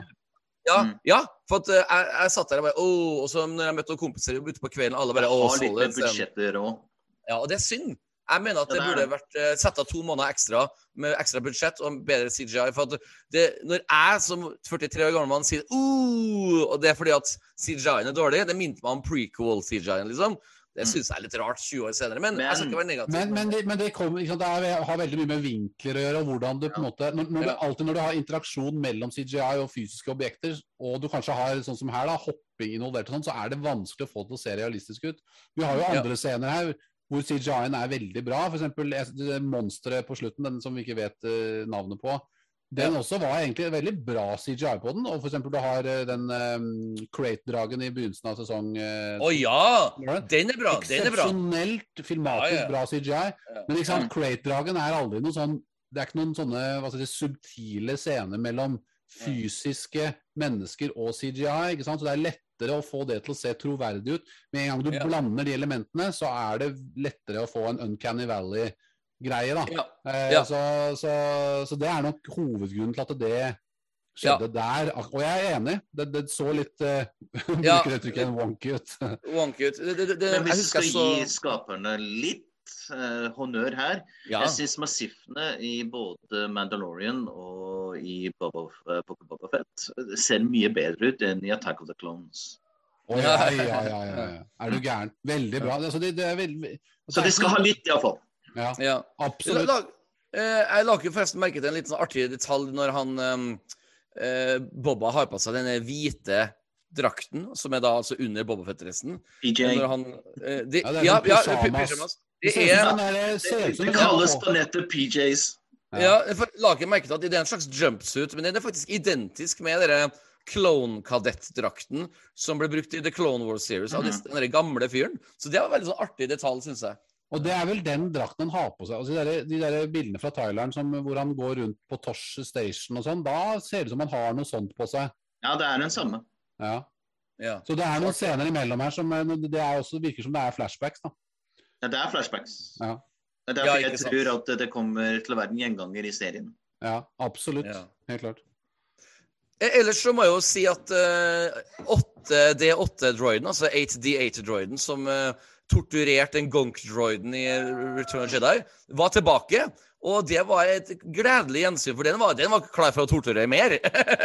det syns jeg var litt gøy eh, det, detalj som jeg faktisk uh, kosa meg med, som jeg håper også våre lyttere la merke til. For han var jo klar for å drepe disse eh, Gomorian Guards òg, som, som jeg for øvrig likte. Det var liksom nåtidsscenene jeg likte best. At eh, to sånne Gomorian Guards, altså grønne griser, fikk lov til å le. For de har et spesielt hjerte til de fleste Star Wars-fans. Er, er dere ikke enige? De er litt tynne, bare. Ja! I, de var, de, de, I likhet med Bobafett så har de vært på samme Ja, treningsstudio ja, som Boba. Riktig. Eh, Jeg lurer, på, jeg lurer på om ikke det er de samme ifra Ja, for de sier jo 'you served under Jabba'. ja. Ja, men jeg lurer på om ikke det er de samme skuespillerne som er brukt i ja, sånn, ja, ja. slåssscenen. Ja, ja, ja. I, i Ja, det, det, det, det ligner litt på dem, skjønner du. Det, det ligna litt på dem de gjorde. Altså. men det, er jo ikke, det er jo ikke de samme figurene, men de samme personene. Nei, for de var veltrent. Samme Det var... Ja, ikke sant. Men la dere merke til også jeg Dette er bare en helt uh, weird teori jeg har, men i de scenene hvor de går rundt på Tatooine, og for så vidt også inne på eh, den kantinen hvor de møter uh, hun Twi'leken av Twilighten, ja. ja. Ja. Jessica Biel. Jessica Biel, takk. Ja. Så er det noen scener som virker som de, hvor de har brukt noen roboter som ser ut som er eh, fra det derre Jeg tror det selskapet heter Boston Robotics, de som driver og lager Ah. sånne militærprototyper av sånne hunder som kan bevege seg. Mm. Det er det. Mm. Det er det, ikke sant? det, er Du det. kan Det er også se- Ja, det, det la jeg merke til, eh, og spesielt når jeg så episoden andre gang. Og du ser også en sånn en sånn eh, android som spiller på trommer inni kantinen. Ja. Ja, det er Ja. også. Også så ut som det var en sånn Boston Robotics. Det er helt tydelig at Disney har alliert seg med den for å få inn enda flere realistiske droid-ting, som da er the pinnacle av, av hva Ja. vi har av droid-teknologi i verden i vår Ja. nåværende tid. Og det Ja. er jo veldig kult. Ja, det er veldig kult. Jeg vil gå enda lenger og si at um, han eh, Cantina-bandfyren som spilte gitar så var For øvrig den samme kantinalåta, Cantina-låta, bare litt mer Carlos Santana. Ja, Jeg, fikk- jeg fikk sånn Eagles-vibb, jeg. Ja, ja, ja, det òg, ja. California, liksom. Vet du Og dere vet hva jeg jeg syns om den scenen der? Det Ja, kan beskrives med to ord. Ja. Helmaks Rebo. Yeah! Max Rebo. Jeg introduserte Knut Løksniak som Max Rebo. Det var altså den blå elefanten på piano. Men jeg i alle fall vil si at han som spiller gitar der Jeg tror at om et par uker så blir det annonsert at eh, det er Ludvig Göransson som er under maska. Altså komponisten. Uh. det, det, det, kroppsstilen passer veldig godt han. Og, og så må jeg også klart si og her, Jeg og Knut hadde en artig diskusjon eh, om det her faktisk eh, senest i går, sammen med noen venner, om at den musikken til Bobafett er delvis kul og delvis rar. fordi at Ja. eh, det er jo elementer av den med et mannskor ja, eh, som ikke minner meg om Star Wars i det hele tatt. Nei. Og det er litt um, synd. Og det er jo han um, vår, forrige gjest, Anders Kregnes Hansen, han sa til og med at det her er jo copy-paste fra Ronja Røverdatter. til, Ja. til, og med, til og med samme toneart. Og, og, og Høy, høy, høy, høy, da. Altså, det var ikke helt Star Wars. Var, Du som, Simon, du som er litt mer positiv enn meg, Knut. Noen ganger om, så eh, kan det fungere med f.eks. The Emperor's eh, theme. Ja. Ja. Ja. Og, eller Duel of the Fates. Ja. Da funker Og det er kjempebra. Ja, da fungerte det. Ja, ja, da fungerer Men det. jeg, Jeg jeg, jeg syns ikke det her fungerte. Jeg bare satt der sånn herre What the Ja. Ja, det, det, det var og For meg spesielt, da, så er det litt spesielt, for at jeg er jo stor fan av Ludvig Göransson. Jeg er så stor fan at jeg har alle hans plater og alle hans soundtrack fra Black Panther og, og Creed. Altså, jeg er veldig sånn, eh, Og han har produsert eh, Donald Glover, Childish Gambino, for øvrig han som spiller Lando. Og jeg er ordentlig fan altså, av Ludvig Göransson. Eh, Jeg, jeg, jeg, fortalte historien her tidligere en gang på podkastene. Min storebror er, er manager til Stargate i, i LA. Og jeg sa ja, det er kult. Og så plutselig sa brorsan til meg Å, forresten, i går så besøkte vi Ludvig Göransson. Hæ? Besøkte vi? Så jeg, jeg, sånn, da, da ble jeg fanboy de luxe, liksom. Uh, men etter å ha sagt det, jeg syns Ludvig skuffa. Uh, jeg syns det her ble litt sånn venstrehåndsarbeid. Og han har misforstått litt eh, elementer av Ja, altså, jeg må, jeg må kommentere det. Altså, jeg er enig ja. at jeg, tror, jeg, jeg er ikke enig i at det er venstrehåndsarbeid. Jeg, bare, Nei. det Nei. jeg mener, er at det er, de har gått for en Altså, Ja. 60% av musikken er bra, mens 40% bommer. Og det er ikke Ja. dårlig, men det er Nei, Tre nøtter til Askepott, eh, liksom. Ja. Ja. Ronja Røverdatter-musikk som Eh, ikke passer inn. Og det, Ja. det virker som de, de har gått for en sånn Ja, vi skal ha litt den Mandalorian-sounden, litt den stilen, og så skal vi blande inn noe litt sånn spagetti-western ho-ho. Ja. Ja. Og litt sånne Ja, ja. kloppeti-klopp-temaer. Nei, det var ikke Star Eh, Wars. Ja. Og det, det fungerte ikke. Det blir, for, det blir for jolly, rett og slett. Og så kombinerer du det også da med Ja. dette her at du nedgraderer den der, litt den brutaliteten som vi hadde fra episode 6 og sånn. Ja. Så, så ble det Den helheten uh, skuffa litt på akkurat det, da. Så de Ja. bommer litt der. Og det Ja. håper jeg jo dessverre eh, eller, skal jeg, si? jeg tror jo da dessverre at det er noe som kan kanskje gå igjen. Jeg kom, Ja, ja, ja, kommer jo ikke til å skrive om musikken Nei, nei, nei. nei. de neste episodene. Men det klart, det kan passe bedre inn her og der. Det var noen steder jeg syns musikken er fantastisk. Så det, er, det er litt sånn hit and miss. Ja, jeg, jeg vil bare kjapt si at jeg, jeg ola meg feil. Det var akkurat det som Knut sa. Jeg, men, jeg mente så klart ikke venstrehåndsarbeid. Jeg bare mente at han tok låtene, eller 40% av låtene til i gal direction. Du, du, du sa Ja. det helt rett, Knut. Det var egentlig det jeg mente. Fordi at uh, Ludvig er jo ikke en Han tar jo jobben sin seriøst, men, men det var noe rart altså med disse Jeg det- så for meg sånne fire blonde svensker som satt liksom uh, på et slott sammen med Ronja Røverdatter og sang, liksom. Det var Ja. Det ble rart. Det ble rart. Ja, Ja, Big Macker. Da likte Ja, den, ja, ja, ja. Boy. Men, men eh, til- til- tilbake til noe positivt. Den Twilacken eh, som vi snakka om, fra, eh, som er en 80-tallsskuespillerstjerne. Eh, det, det som var mest interessant, er jo at um, Twilight-rasen var jo en slags slaverase under Return of the Jedi, men nå driver de eh, restauranter, og nattklubber og kasinoer. Det var en artig detalj som jeg satte stor pris på. For det merka vi også på Mandalorian sesong 1, at uh, droids som, som ikke var velkommen i Tatooine i A New Hope, de plutselig var nå bartenderne. og nå ser du altså Twilight. Så det, det, det, har virkelig vært en revolusjon på Tatooine de siste fem årene, eh, hvor eh, nye folk har tatt over, og, og ikke minst uh, Jabba er død. Så at uh, mye godt Men vi har skal kommet jo ut ikke glemme at Twilight var også en av de viktigste Jedi nå, da. Ja, Ayla, ja. Ayla Secura. Men, men Men sikkert ikke på Tatooine. Twilight- Ja. Twilighten er veldig glad i å vise hud, iallfall. Det vet vi. Ja, ja, de, ja. blir alltid, de, blir frem, de blir alltid fremstilt som uh, litt sånn underdanige, noen av dem i hvert fall. fordi de, de, Ja. Det kommer jo to sånne hva kalles sånn tjeneste-Twileker der, og skal de, de tilbyr seg den tjenesten at de skal vaske hjelmen til Boba Fett. Ja, ja, ja.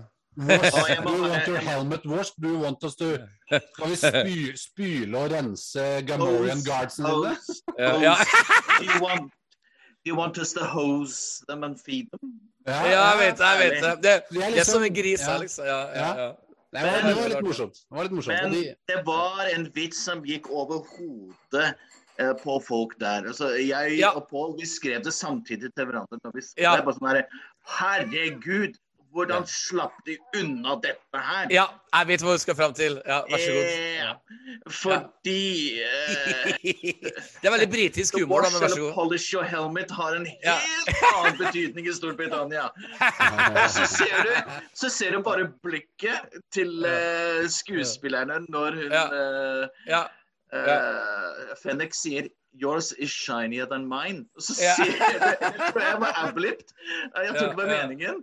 Så bare han der eh, Timura holdt på å å- å bite oss sammen. Du ser han gliser skikkelig. og Bare, ja, da Ja, ja. tenkte han han hadde liksom verdens sprekeste 58-åring ved siden av seg, liksom. Sånn, Ja, ja, eh, ja. I'm Og, lucky. og, og apropos sprek, spreke folk, det var en liten digresjon jeg kom på akkurat nå. Det var at um, i 1983, da de spilte inn Twilight-scenen med hun danseren, hun som ble eh, spist opp og drept av monsteret eh, Når de gjorde eh, i 1997 eh, Special Editions, så ville de spille inn noen av de scenene på nytt. Og hun dama da, som var den danseren i 1983, så like flott ut i 1997, når de eh, spilte inn på nytt. For at hun er danser, og så det, det er noe med um, det Twilight-genene som er Det er jo som din jobbing, det da, Petter. Så, Ja, når, det. hun ikke, når hun ikke danser, så ser hun ut som en Ja. blobba, liksom. Mens når hun er back in Jabbas palace, da er det Yes, sir. Yes, sir. Mm. Vi alle, vi alle husker den dansescenen fra 1983 hvor den ikke ble sensurert. Det var alltid et sted Ja. vi alltid stoppet videoen. Yes, sir. Yes, sir. Yes, sir. Det, det, det, våre unge lyttere har ingen anelse hva vi prater om, men det er helt OK. Det er helt greit, men du skjønner hva jeg mener. Det var en liten så glipp som det er eh, veldig mye pauser i Return Ja, of the Jedi. ja, magisk. God, God bless Twilight Fantasies. God, God bless the nipples. God bless the nipples. Du, la ikke merke til den Trandoshan-fyren som ga bort uh, Wookie-pels. Ja. Det som var innsagt med det, er jo at Boba Fett hadde jo faktisk på seg Wookie-pels i The Empire Strikes Back. Vi var ikke klar over det? Ja, det, og så er det jo en callback til når Chewbacca kommer ned der i, i, i, i Return of the Jedi. Istedenfor at når Ja. Chewbacca kommer så var det bare en pels. Ja. Ja, ja, tappen, liksom. Ja, ja, ja. For jeg tror at Chewbacca kanskje dukker opp i, i scenen her. Og Mace Windu, som sagt. Eh, vi snakka litt om det på ja. vi snakket om det på forrige episode sammen, at uh, det var ikke min idé det med Mace Windu, men når noen av våre Det var du, Knut, eller vår forrige gjest, som foreslo Mace Windu, så slo man bare Så klart! Samuel L. Jackson må jo komme inn og si This party is still on! Ja. vi har i hvert fall anerkjent Bobafett sin smerte rundt dette her, at han Ja. mista faren sin. Så de har Ja, på, de kom, dette her med det er i hvert fall sjansen for at Mace Windu blir nevnt, eller er med i storyen. han må komme. Så- Han, han, er jo, ja. han er jo inne i Disney-konsernet allerede med Marvel. Han må jo bare dukke opp på filmsettet og, og spille en Altså, han vil jo det sjøl og sikkert. Det, det er en liten Men skandale. ikke la dere merke til forresten eh, når eh, Bobafett og denne lille unge youngling eh, skulle finne vann, så, så så man jo først noen eh, noen eh, thugs som drev og tagga ned et hus og Ja! mishandla en fyr. Og det har jeg notert meg. Vær så god, Knut. Vær så god. Ja. Ja, der la jeg jo merke til at uh, Bobafett, når han observerte det, så gjorde han Ja. seg noen tanker Ja, om den situasjonen. Det var akkurat som for meg at der gikk det litt opp for han at han må på en måte rydde opp i kriminaliteten og ta styringen selv, da. At det var et slags lys som gikk opp for han da. Jeg, jeg, unnskyld, avbryt. Jeg vil ta det enda litt lenger. Jeg tenker at når l- altså Ant Beru og Owen Lars ble drept, kanskje Bobafett var til stede da det skjedde. Sånn tenker jeg. Å ja. Ja, ja, ja. ja. Så, og det ble et tilbakeblikk vi får se senere. At uh, den scenen der hvor Stormtroopers for Bobafett var jo allerede i samarbeid med Imperiet rundt Ja. den tiden der. Ja, ja. ja. Eh, Hva Det er syns du om jo den teorien? som- Sam? i hvert fall. Det er teorier på nettet at de folka der var The Mining eh, Corporation, som var i uh, Mandalorian, ja. Mandalorian. Ja. ja. I Det er- ja. er visstnok deres merke. Det kan ikke jeg bekrefte, eller sånt, men det er noen som mener at det er. Eh, eh, en, Og de, og de, og de, de til, visstnok så tilhører de Jabba sin tidligere eh, på en måte gruppe med eh, thugs, hvor de på en måte er ute og, og skal eh, hente kollekt i form av vann fra moisture evaporators, som da Jabba vil ha. Da, for det er jo mange som driver med sånn moisture evaporating på Tatooine, selvfølgelig. Ja, ja. Eh, går- og noe av dette her skal betales i form av skatt til Jabba. Og det Ja. driver de fortsatt med, da. På et eller annet, på et eller annet vis, da, Mm. før da Tamara Morrison tar over. Så han ser jo at det er en slags urettferdighet der da, som han vil rette litt opp i. da. Og Det, det er veldig interessant. Så det var, det var en Ja. scene som var Selv om jeg stussa litt på at han ene Nikton der hadde på seg noen sånne MC-klær. som tok. Yes, sir. Jeg, jeg, Yes, følte at han, jeg følte at liksom, jeg så han på en eller annen sånn bikerplass utenfor en Ja. sånn uh, pub i Oslo, liksom. Ja. Men, uh, bortsett fra det, så Hvor- var det en veldig viktig scene. Og hvor tror dere Bob har kommet til å møte dem igjen? Nei, så det, er jo, det, det er jo det som er artig, for det er jo ingen tvil om at den scenen vi snakker om nå, vil jo få en fortsettelse i flere av eh, eh, chapterene etterpå. Men uh, du skal få svare, Simon, hvor du Jeg, tror jeg, ja. Han kommer til å møte dem hjemme på Toshi Station. Ja, det er mulig. Vi er ikke ferdig med dem ennå, skjønner du. Nei, nei, nei. nei. Jeg, jeg kan jo si en liten ting som var artig, for når jeg kom på fjellet i går, på det Kvistli ridesenter, så um, møtte jeg jo han som eier eh, plassen her, Morten. Og første han sa til meg 'Så du Bobafett i morges?' Ja, jeg så Bobafett i morges. Jeg ble helt satt ut når disse bikerne kom med sånne eh, dongerijakkevester, for da, da ble jeg satt ut av Star Wars-universet. Og jeg- sannheten at jeg tenkte ikke så mye på det da, men når jeg så det igjen klokka ni på kvelden, så tenkte jeg faen, det er jo faktisk dongerijakke de har på seg. Det, det er bikere, som Knut nettopp sa. Og det er også kanskje et litt sånn feil valg. Litt sånn à la Ja. Ludvig Ørensson tar 40% feil på musikken, så har kostymedesignerne tatt noen feil på Ja, kostymevalg. Og det er fordi at det, altså det, det disse TV-seriene her gjør, de gjør disse al- de, altså de putter alienene mer front and center enn vi så i originaltrilogien. Det var jo disse alienene mer Ja. sånne bakgrunnskarakterer. Ja, litt mer stemningsfullt lys og sånn. Ja, Her er det fullt i åpent dagslys, og de får mye mer spilletid. Også Tusken Raiders, eksempel. Du får jo lange scener hvor de Ja, ja. står og snakker til hverandre. Nesten, det er nesten litt for mye, ikke sant? Skjønner du hva jeg mener? De drar det litt langt noen ganger, sånn at det blir litt Ja. for dagligdags. Her kommer Ja. han Nikton med litt stor ølmage og noe bikerjakke, liksom. Der Ja, må det ja. passe seg litt, for at det blir, Ja. ikke bli Ja. for dagligdags. Du må Ja. Bevare den mystikken som vi kjenner til fra originaltrilogien. Og det, det er ikke så Jeg er så enig. Ja. Ja, jeg, jeg, jeg er så- enig. Det er noen grep der som må justeres litt for at det skal bli liksom top notch, da. Ja. Eh, men ellers så var det en veldig bra scene, egentlig. At vi må, så måtte de grave etter de der kaktusballene, eller hva faller det er for noe. Ja, ja, det- har, Simon, har du noe ord for det? Kråkeboller. Kråkeboller, Ja. Det Mozart-kuler. Mozart kråkeboller jeg så til Mandalorian. ja. Det ligner på sånn derre sånn der, noe som jeg hadde på hytta før. En sånn skjellignende sak du kunne holde øret inntil, så hørte du havets sus Ja, ikke sant. inni der. Jeg har en liten artig trivia som dere helt sikkert har registrert, men jeg må likevel fortelle min eh, historie. Eh, I 1994, da var jeg bare en eh, ung gutt på, på 15 år, og jeg gikk i et korps, og vi skulle til Paris. Og da skulle vi så klart innom Euro-Disney, som var ganske nytt i 1994. Og det var to grunner for at jeg gleder meg ekstremt mye til Euro-Disney. Det ene var jo så klart at uh, den mystiske Michael Jackson-filmen Captain EO skulle vises på en sånn 3D-kino, mm. som da var opprinnelig fra uh, nesten ti år tidligere. Um, for øvrig Josh Lucas som har produsert den, så der har vi Star Wars-referansen. Den dro jeg så. Og det andre var jo så klart Star Tours, som er en slags um, simulator hvor du sitter inne i et romskip og flyr da vet du, gjennom um, forskjellige Star Wars-universer, bl.a. Dødsstjerna og lignende. Der ble vi guida av en liten robot. En sånn en R3 X-droid. Og jaggu meg, den dukka opp i episoden her! Fikk dere med dere det? Nei. Nei. Den dukka opp på kasinoet. Den satt innerst inne i et kasinobord og delte ut kort og sånn til uh, folk rundt seg. Så det var liksom, Den satt fast liksom i et bord. Og jeg bare Oh my god, dette legger jo sikkert ingen merke til, men det der, that's the R3 X-Droid. Og jeg tror faktisk den også var med i første episode av um, Star Wars Rebels eller noe sånt. Når det var en liten sånn Star Tours-tur. Uh, samme turen hvor R2D2 og C3PO dukka opp vet du, i Star Wars Rebels. Så, i alle fall, uh, ja. Så var det at de spilte Sabak. Det var ikke så lett å se. Men nei, du ser nei. det i rulleteksten med den tegningen fra storyboard-tegningen. Der ser du veldig tydelig at det er Sabak de spiller. Ja, ja. Veldig artig. Så det, det, Der har vi også en artig trivia som eh, kanskje ikke alle har lagt merke til. Altså um, denne R3 X-droiden. Og den er jo eh, spesiallaga for uh, Disneyland og Disney World og Euro-Disney.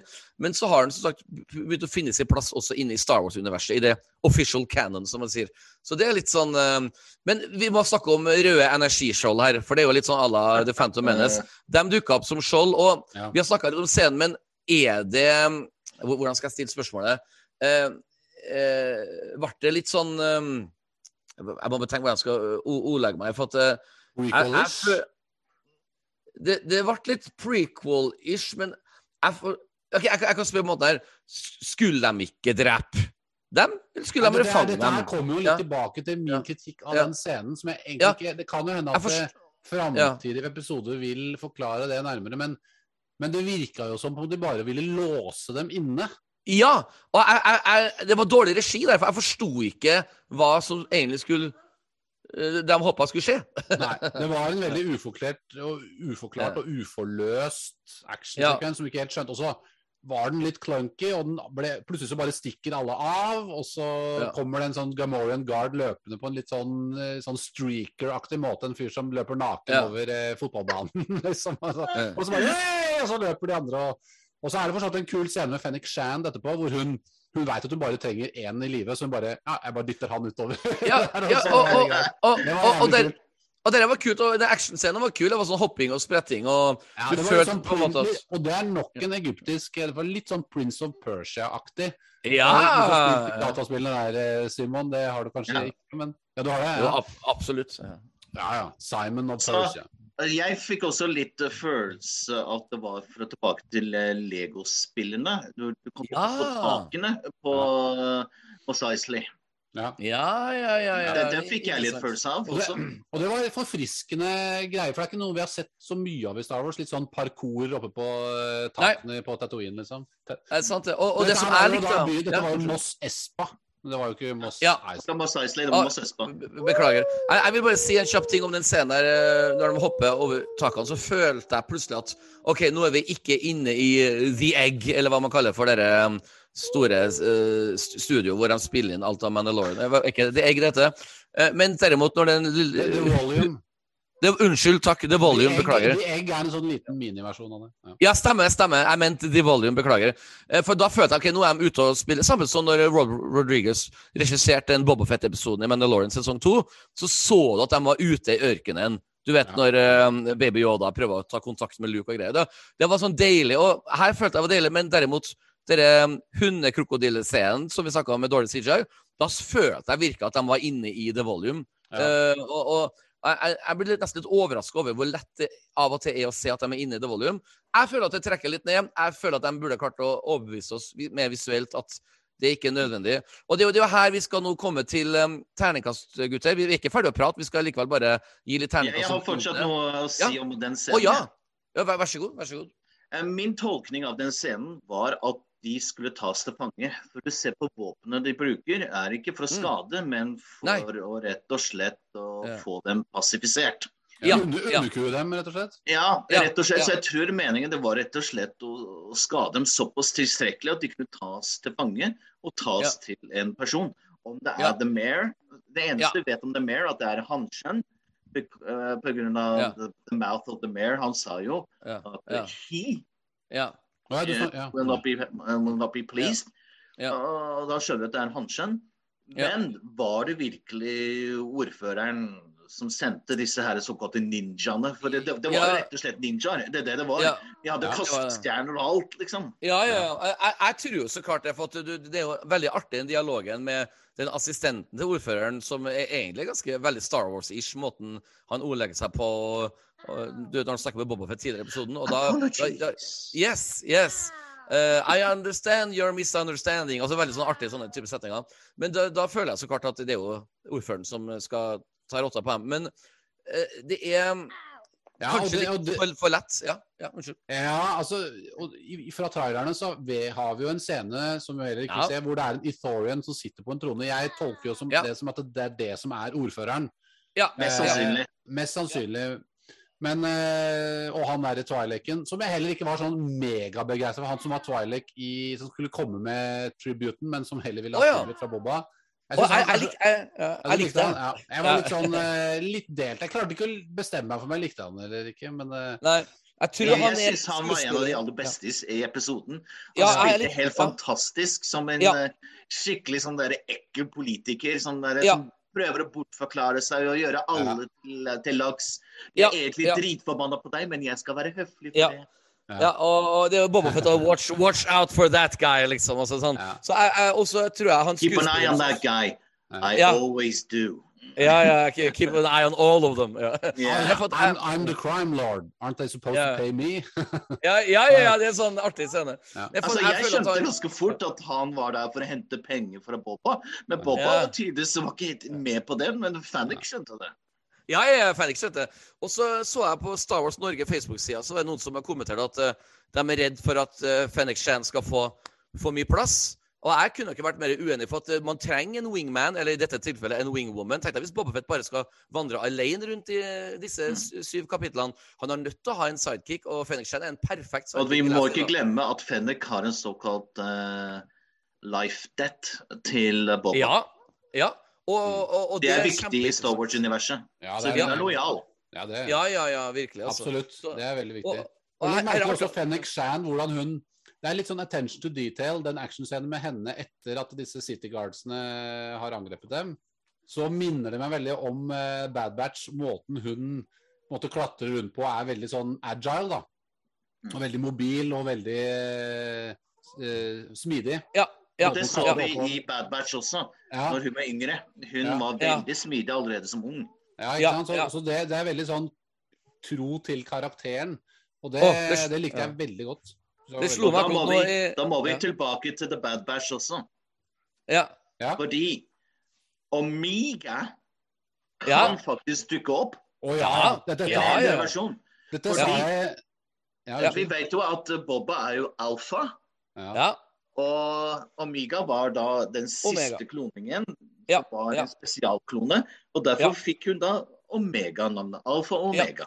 ja. Det er litt sånn som er, ja. og, og akkurat det samme med den flashbacken til, som var på Genosis, så har de også valgt å på en måte printe inn i hodene våre et flashback fra Camino. Så du har liksom Mace Windu, og du har Omega. Det er derfor jeg mener at det her er ikke tilfeldig. Nei, Nei. Det, det, så det hadde Så- vært veldig kult, for det, det har noe med oppveksten hans å gjøre, og hvor, liksom Mm. hans historie, The Book of Boba Fett, ja. er det den heter. Eh, Men- nå skal jeg Ja, unnskyld. unnskyld. Men hvis vi ser på den scenen fra Camino, foran Slave One, så er det noen som står. Og da lurer jeg på, er det her rett Ja. før den kampen mot uh, Obi-Wan? Jeg Oh tror det. jeg tror det. Men det heter jo ikke Slave One, det heter jo Boba Fett Starship. Ja, Boba Fett Starship. He- Helt No, korrekt. it's Slave One! No, no, no, Sorry, no, no, no. Not sorry.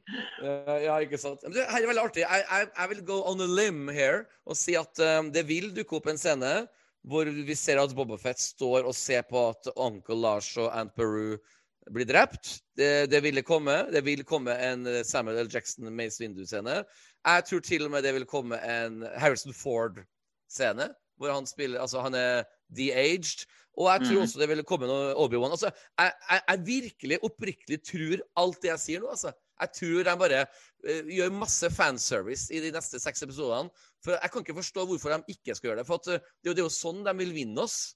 Uh, Ja. men- Eller, eller, eller, eller, er jeg helt ute å kjøre, Simon? Nei, jeg, jeg tror at det, den som er 100% bankers og dukker opp, Ja. er Ja. Å ja, faen, hun òg, ja. Så klart. Herregud. Hun- Asoka kom til å dukke opp som en slags reklame for hennes serie. Ja. Ja. Ja, ja. det, det, det, har jeg, det har jeg tenkt på, Simon, men jeg, jeg føler at de på en måte allerede har teaserne i Mandalorian. Mm. Så jeg har liksom Mm. tenkt Trenger de å gjøre det på nytt nå? ja Bra poeng. Ja. Jeg, jeg tror det. Men eh, Det kan det- være en sånn samlingssak med, med Grogu. Da har vi Luke, Mace, Asoka. Så da ser vi at Jediene er ikke helt borte. Nei. Nei. Nei, det, det, er, det er jo absolutt mulig at hun kan eh, dukke opp her. eh, Men- og vet- Men dere hvem som ikke kommer til å dukke opp? Darth Vader. Jabba. Nei, nei, nei da. Hun, hun, hun, hun wrestlingdama som skulle være med i Jeg jeg har allerede glemt hva hun het for noe. Hva heter Gina? Carano. Ja, Gina Carano. Hun kommer ikke til å dukke opp. At, eh, for det går liksom rykter om at hun liksom har blitt venner med Disney igjen. The, no way in hell that rumor is true. Hun har brent alle bruer det går an å brenne, og and, and then some. Og den fikk jo mageplask av en anmeldelse, den filmen hun hadde gjort nå. Det var jo bare en ja, det er B-film fra helsike. det, det er jo bare det geeks and gamers-folket som er fan av henne. Ja. Eller Simon? Og MMA-geeks. Ja, og MMA for Eller hva ah, sier du, jeg- har jeg rett? Vi får aldri mer se hun i Star Wars.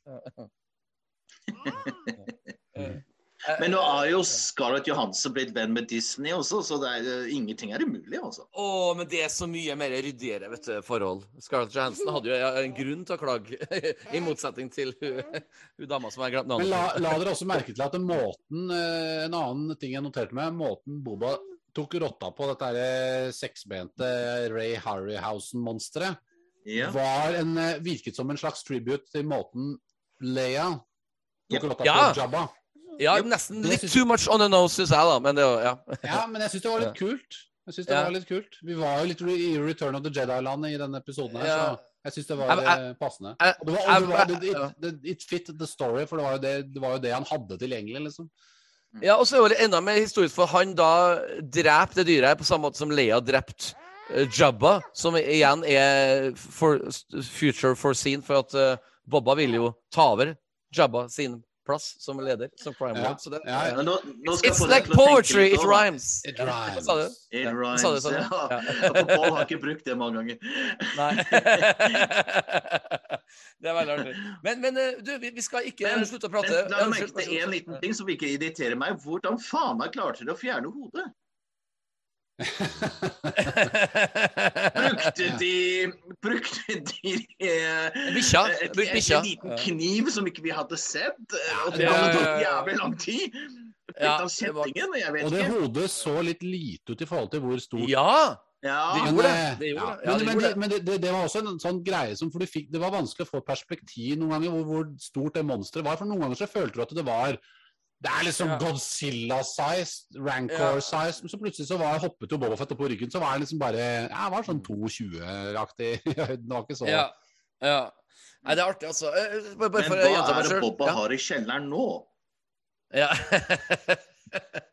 Nei, det, det, det, skal vi snakke mer om. Jeg, jeg vil bare um, gå til neste avdeling av podkasten hvor vi skal gi terningkast. Vi skal ikke slutte å, vi skal ikke avslutte podkasten, men jeg vil nemlig at vi skal snakke litt om de terningkastene vi gir. For jeg vil gjerne starte, for jeg har følelse på at terningkassa kommer til å gå oppover, oppover når Knut og Simon går opp. For jeg vil starte med å, å, å gi rett og slett terningkastet og så begrunne. Jeg vil, jeg vil um, si at jeg forventa altfor mye av denne første episoden, siden at eh, episode én av både sesong én og to av Mandalorian var så fantastisk bra. Som var sånn, eh, altså Sesong to sin eh, åpningsepisode var jo eh, terningkast seks i min bok, liksom. Ja. Med John Favreau. Og, og jeg ble litt satt ut over det. Og jeg ble litt satt ut over hvor lite fremover det gikk i nåtid. Jeg elska alle flashbacks, men det blir faktisk så lite som en firer fra meg. Eh, og her er min favorittperson i hele Star Wars-universet, er Boba Fett. Men det er kanskje derfor også jeg ble litt skuffa over eh, flere eh, ting som vi allerede har prata om. Til og med musikken på en måte ikke klarte å levere 100 Så en fire fra meg. Jeg skal gå mer i detalj etterpå. Men Knut, eh, hvilken terningkast eh, ender du på?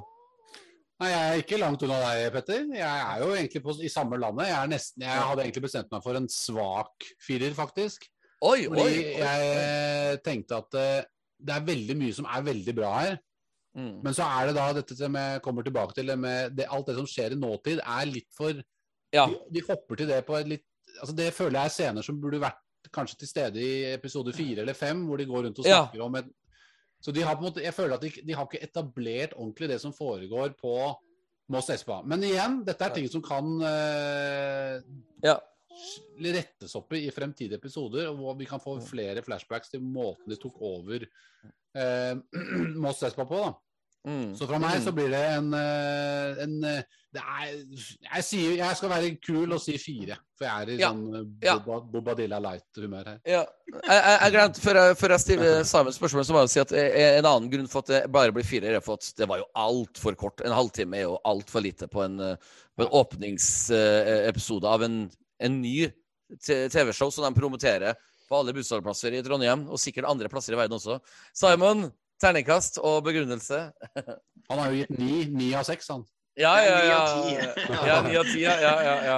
Um, jeg gir den en femmer. Jeg mener Ja. rett og slett at den her klarte å løse mange av problemene som mange var redde for. Vi Ja. fikk han ut av Salaken. Vi Mm. fikk hans eh, tilknytning til uh, Sand People. Mm. Vi har fått en litt sånn uh, balansemaktsak som kommer til å bli en gjenganger i serien. Mm, mm. Eh, jeg, som jeg har sagt tidligere, jeg tror at denne episoden her skulle vært lengre. At Mm. episode 1 og 2 var egentlig Ja. eh, sammen. Men Mm, jeg mm. tror episode 1 og 2 kommer til å være veldig forskjellige. Og derfor valgte Ja. vi å dele episoden i to. Fordi det er en slags eh, jeg kaller det? Ja. Handlingsforskjell. At det ville bli en ubalanse hvis det alt var én episode. Mm, mm. Så jeg tror det kommer kanskje mer action i neste episode. Ja, det bør de jo gjøre. det Men da er det også litt rart at de ikke, at de ikke gjorde sånn som Petter sa, at de ikke ga ut begge to samtidig. sånn at folk Ja. kan Ja. Fra det jeg mener For det er jo et Altså, ting er jo subjektivt, men det er et faktum at det er litt sånn mixed der ute. Eh, Det er ikke, Ja. folk, det er ikke sånn unison terningkast seks. Eh, Det, det er det ikke. Nei. Sånn at Nei. det, og da undrer jeg meg litt over at ikke Disney gir ut begge episoder samtidig, som folk kan se den første og så direkte gå inn i andre. Hvis Ja. den da gir et mer helhetlig inntrykk av hva denne serien er, så vil jo folk ikke hoppe av serien da. Men Ja. igjen Jeg, jeg tror den serien skulle starte i 2022, men Ja. siden det ble syv episoder, ikke seks, Ja. så Mm. ble det rett etter Hawkeye, ja. og satt inn rett i rommet. Og- og- Space og- og- Christmas. Og ikke minst at det, det er jul, folk sitter hjemme, det er pandemi. Da er det lurt å ha litt uh, streaming service. Jeg vil bare si en artig liten ting som er sånn eh, både positiv og negativt innenfor det vi snakker om. For at jeg har jo en eh, 15 år gammel stesønn. Og han eh, fikk meg til å tenke litt eh, nytt, for at han så da klokka ni i morges denne episoden. Og rett etter episoden var ferdig, så sa han Å, sett på toeren nå, da. Sett på episode to også. Så sier jeg til han, som, som, som om jeg skal forklare 15-åringen hvordan streaming service fungerer, sier jeg ja, men den kommer ikke ut før om syv dager. Og han bare Å, det, det var rart, for at eh, den ungdomsgjengen som er tenåringer nå, de er ikke sånn som oss, som ser liksom én episode per uke. De har en helt annen tradisjon med å se Mm. TV-serier. Så de venter til alt kan være binging. Så han bare tittet på Så det er jo positivt at han ville se episode to. Det er jo positivt for Disney-konsernet at eh, han vil se det, liksom. Men også negativt, i den forstand at eh, ja, vi, vi ville ha mer enn bare Det ble ble for lite. Uh, Og da kan jeg nevne med The Witcher-serien nå, så ser jeg én episode hver kveld. Ja, du gjør det, ja? Du gjør det, ja. Jeg binger ikke, jeg ser én og én. Jeg liker å nyte det. Ja, ja. Jeg er jo 100 Selv om enig med serien og, er litt sånn meh, egentlig. Ja, Ja. den er, den er Den, jeg har sett hele sesong to, eh, og det Ja. Jeg, Jeg, jeg kan si, bare si, jeg sier bare som Gerald, jeg. Ja. ja, ingenting. Nei, men eh, Knut sa noe innsagt. for Jeg og Knut har prata mye om det på podkasten. Bare, bare det å ha en Star Wars-podkast og vite at det kommer en ny episode hver uke, gir oss så mye motivasjon til å lage en ny podkastepisode hver uke. For hadde alle eh, episodene kommet på samme dag, så har jo det rett og slett eh, blitt et slit, og e- effekten har kommet til å dødd ut. både for lyttere og for oss. Så at Men vår generasjon, de som er sånn 35 pluss, de liker å se en episode i uka, eller, eller Witcher da, med en, en per kveld. Men uh, ungdommen nå, um, så, så, som 15-åringer, han venta et år han, før han gidda se Mandalorian, for han ville se det etter hverandre, liksom. Så det er bare en, interessant ting. Generasjonsskifte. eh, Ja, forskjell jeg, det er derfor jeg tror at også de, de, altså I framtiden, når Disney Pluss er enda mer etablert enn det er nå, så tror jeg vi vil Ja. komme til å få se eh, mer eksempler på at de kommer til å gi ut alt på en gang. Fordi okay. at ja, fordi at da har de mer å spille på. De har flere serier som kan fylle inn tomrom osv. Og, så videre, og, så og så Ja, tror jeg også ja. at det, det er nok mange som gjør sånn som sønnen din, da, som venter med å se Ja. alt. Kanskje venter med Ja. å være abonnent. Jeg gidder ikke å være Ja, ja. abonnent før alt kommer, og så abonnerer de den, u- den måneden, og så logger de seg av igjen. Mm. Og det, da det, er nettopp det det, det er nettopp det Disney Pluss har gjort. De legger ut én og én episode, så ikke folk har som prøvetid Ja. en uke og kan binge alt det de ønsker å se, Exactly. og så er det ferdig. Exactly. Men- exactly. Er Men- Men når de har nok materiale til å holde alle geeksene mette hele tiden, da kan du Ja. ha en ny bingesesong hver måned. Og da, Ja. ikke sant? da kan du begynne å tenke nytt, men nå har de ikke nok materiale. Nå må de spre det litt mer utover. fordi at det, Men Ja. neste år så får vi jo fire, altså inkludert Mandalorian, eller fem da med Bad Batch. Vi får fem Ja. Star Wars TV-serier. da, så Det begynner jo å nærme seg Og det er, jo, det er akkurat der eh, du kom inn på min cue. For at eh, Før vi avslutter dagens podkast, så vil jo jeg fortelle dere at det har vært en liten lekkasje i et sånn eh, julepakning for alle Lucasfilm-ansatte om framtidige utgivelser. Og der har det nå eh, mer eller mindre offisielt kommet at Mhm. det kommer en mest sannsynlig en animasjonsserie på nyåret som heter for Tales of the Jedi.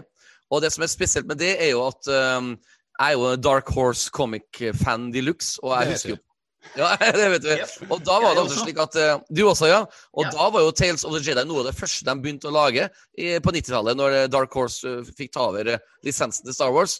Og jeg starter med deg, Simon. Eh, vi vet jo egentlig ingenting offisielt men tror du det her er en animasjons-TV-serie? Jeg tror jo det, så klart. At det her er ikke live action, men den neste eh, animasjonsserien vil være Tales of the Jedi. Tror du det også?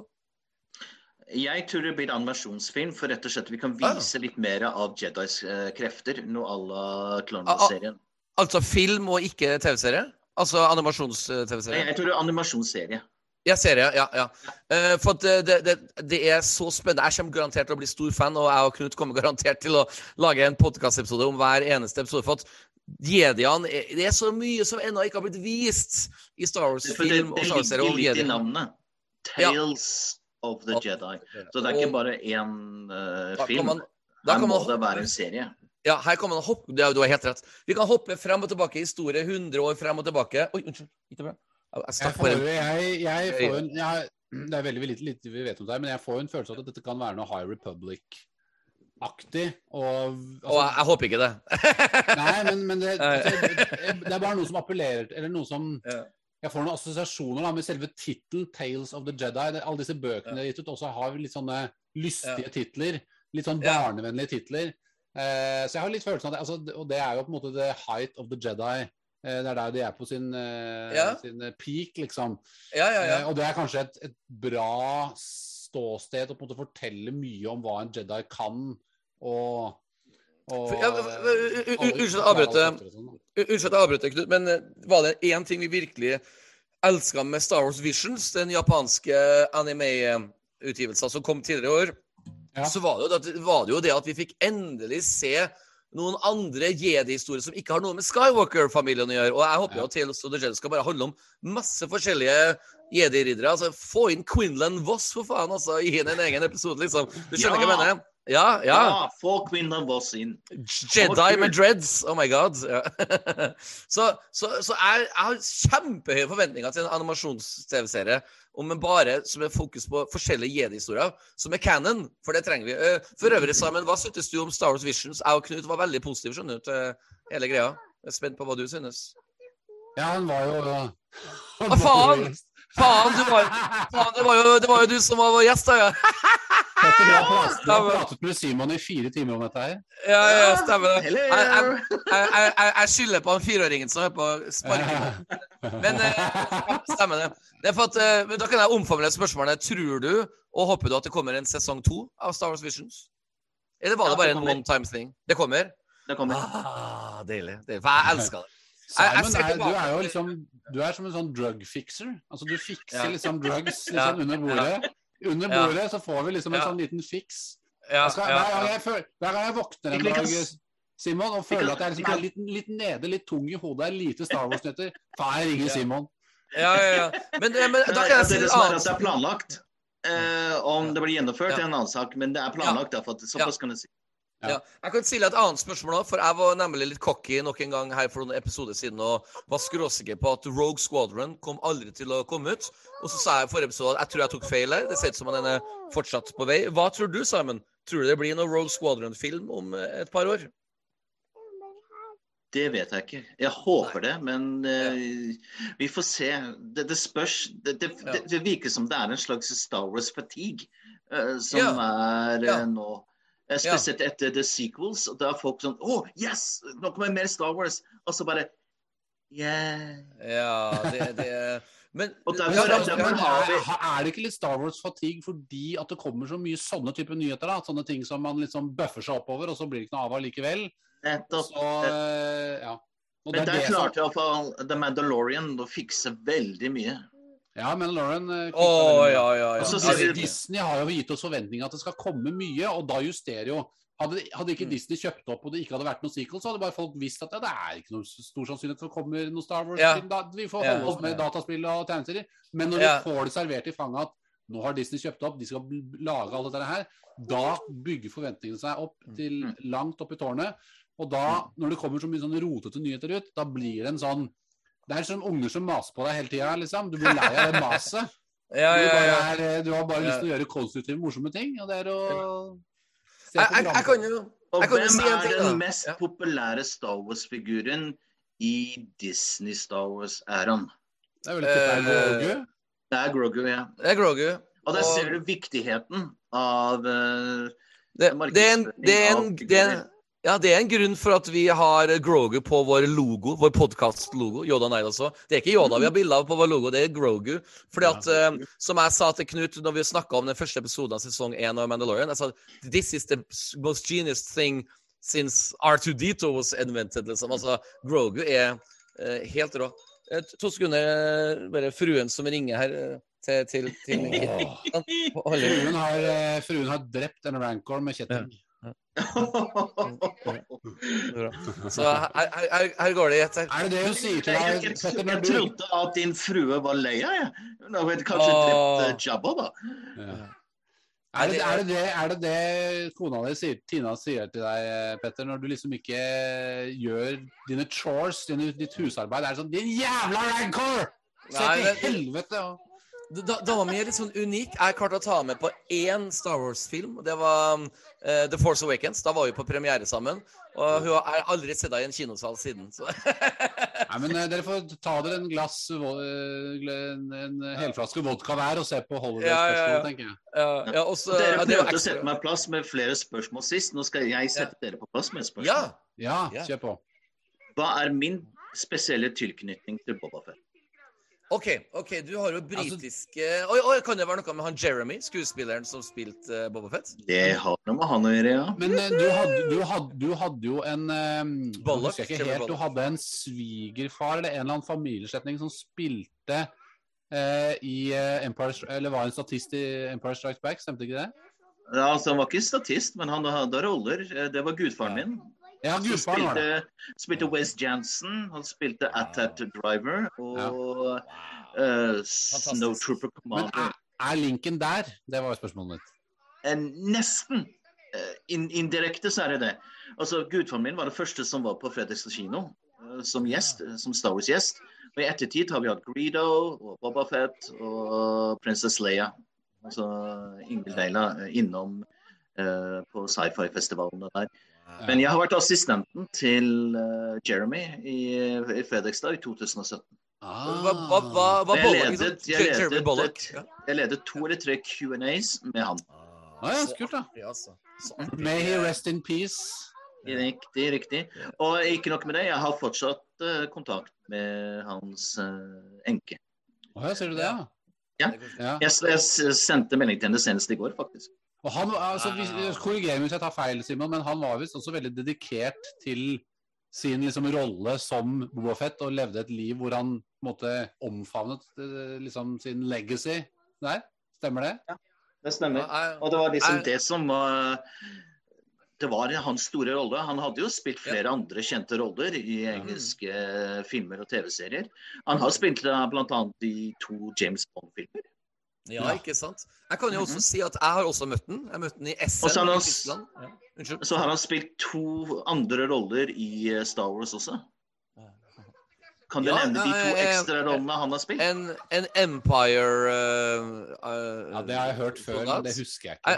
Jeg har sett den i den Empire-drakten. Ja, han han spiller den offiseren i Empire som griper Leia Korrekt. og korrekt. bruker henne som skjold Ja, stemmer. Det, det husker jeg på. kommer. Det er han. Men det andre, hus, andre husker jeg ikke på. Ja. Og så er han uh, sjoff- altså, eh, piloten i Tanty 4 i Ja! Sith. Det er det, vet du. Det er det, vet du. Stemmer det. ja, Stemmer det. stemmer det. Veldig artig. Er Jeg skulle bare si at uh, jeg rakk å møte den i 2013 i Essen, Tyskland. Star Wars Celebration. Og da måtte han gjenskape den scenen hvor unge Bobafett løfter opp hjelmen når faren hans død, men han gjorde det da som voksen mann. Og han levde, seg så inn i at han begynte å grine, og jeg fikk stående applaus i hele salen for at han eh, var så dyktig skuespiller. Og um, det husker jeg på veldig, veldig godt. Og han var veldig trivelig å høre på, og ikke minst prate med. Så Jeg har jo, eh, nå, jeg har jo også fått Bobafett, dette Star Wars Legion-miniatyrkrigsspillet mitt, som min fetter skal eh, male. Eh, han har også malt noen figurer for meg som jeg fikk til jul. Jeg fikk hele eh, Special Forces pluss Gideon Hask og Del Mico Oh my god. og Chewbacca ferdigmalt i pakkene sine. Og det tar, det tar mange timer. At jeg, har- jeg skulle gjerne Ja, det vil jeg tro. jeg har, jo malt, jeg har jo malt en del sånne figurer selv også, men fetteren min er et par hakk over meg i, i dyktighet der. Men Jeg er jeg imponert. så- og jeg, fikk, jeg kjøpte meg selvfølgelig Jeg fikk jo sikkert ti sånne Star Wars Legion expansion packs på julaften. Jeg satt der som et bortskjemt uh, Fantastisk. Java og, plukke, og pakka det opp, liksom. Så jeg har allerede nesten limt sammen alt, lest alle reglene, Ja. fått noe ferdigmalt, begynt å Fantastisk. Jeg jeg har fått eh, tre Star Wars-gaver til, til jul. Jeg fikk uh, Boba Fett-sokker, eller unnskyld, Mandalorian-sokker med bilde av Baby Yoda på. Og så fikk jeg eh, et, eh, en tekopp med Baby Yoda på. Og så fikk jeg en sånn kalender med Father and Son, Darth Vader og Luke-kalender. så at eh, jeg får, mine venner og familiemedlemmer vet tydeligvis at jeg liker Star Wars. Selv om det ikke er så mye, så er det akkurat nok til at man kan ha noen sokker på seg og en kalender på veggen. Og det... Hva med du, Simon? Fikk du noen Star Wars-leker? Eller Vi har Star. Wars-greier? Ja, Ja. jeg uh, kjøpte til meg sjøl. Ja, men, men, det, men det jeg virkelig lurer på, Simon det er det som er så bra når man, ikke sant, for Ja. Jeg har jo svigerforeldre, og de, de gjør det enkelt. De bare sender meg penger. De vippser meg 1000 kroner. Hva gjør Ja, ja, ja, da? ja, ja. Da Ja, kjøper kjøper han seg seg- sokker og klær. Han kjøper seg harde Star Wars-pakker. Ja, ja, ja. Men det jeg virkelig lurer på med deg, Simon, er hva synes du om Star Wars Visions? Jeg, jeg likte den. jeg, jeg mener å huske at jeg ga den en eh, sju eller åtte. Ja, du, du, du gjorde det. du gjorde det. Du, altså, jeg, jeg tuller litt med deg, men eh, grunnen for at jeg nevner den, er egentlig for at det som er artig med Star Wars Visions, er at når jeg tenker tilbake på de oppleve, opp, opp, uh, episodene, så smiler jeg. Og det er veldig sånn artig, for det, det gjør jeg ikke når jeg tenker på Rise of Skywalker. Men Star Wars Visions traff noe i mitt Star Wars-fanhjerte. At jeg tar meg sjøl og smiler og mimrer tilbake med gode opplevelser av faktisk egentlig alle episodene. når jeg tenker meg om. Til og med de dårlige syns jeg var bra.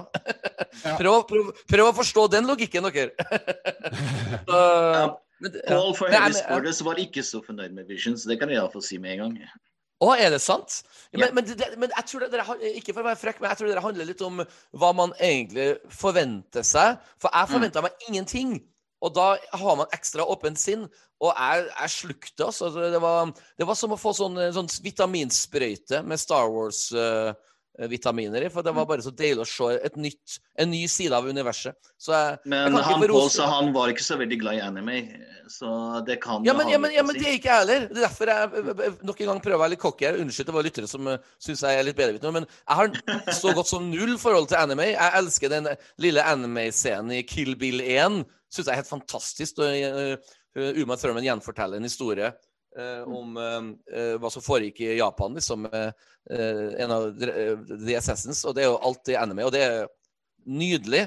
Men eh, jeg, jeg vet ikke. Jeg, jeg tror eh, Star Wars gjorde en gullavgjørelse med å lage Star Wars Vision. Så Og på, mer, først, ja. på første juledag så så jeg 'Spirited Away' igjen. Så ah, så den, den, er jo, den er jo så fantastisk. Ja, ja, ja. ja, ja det, Den, den har jo så mange lag eh, som Ja. man egentlig ikke forstår. Du må ha sett den flere ganger for Ja, egentlig å ja. forstå 'Spirited Way eller 'Chihiro og heksen'. som den heter på N- Nå sa du noe ganske smart, for det du egentlig sa nå, er hva jeg bruker å si. I, like my Star Wars intelligence, bruker jeg å si. Yes. Og det, det er derfor jeg blir sur av The Rise of Skywalker, for det er jo den minst intelligente eh, Star Wars-filmen noensinne. Den er rett og slett dum. Det er popkornfilm. Og jeg, jeg, jeg forventer at ting skal være litt klokt. Og sånn som Dune. Vi, vi snakka sikkert om filmen Dune forleden dag, men det, det er noen på YouTube som slakter dun, og de slakter dun av helt feil grunner. De har bare ikke forstått det. Ja. Men nå høres det som en bedreviter. Men jeg gleder meg til Dun 2, som er offisielt uh, yep. på vei.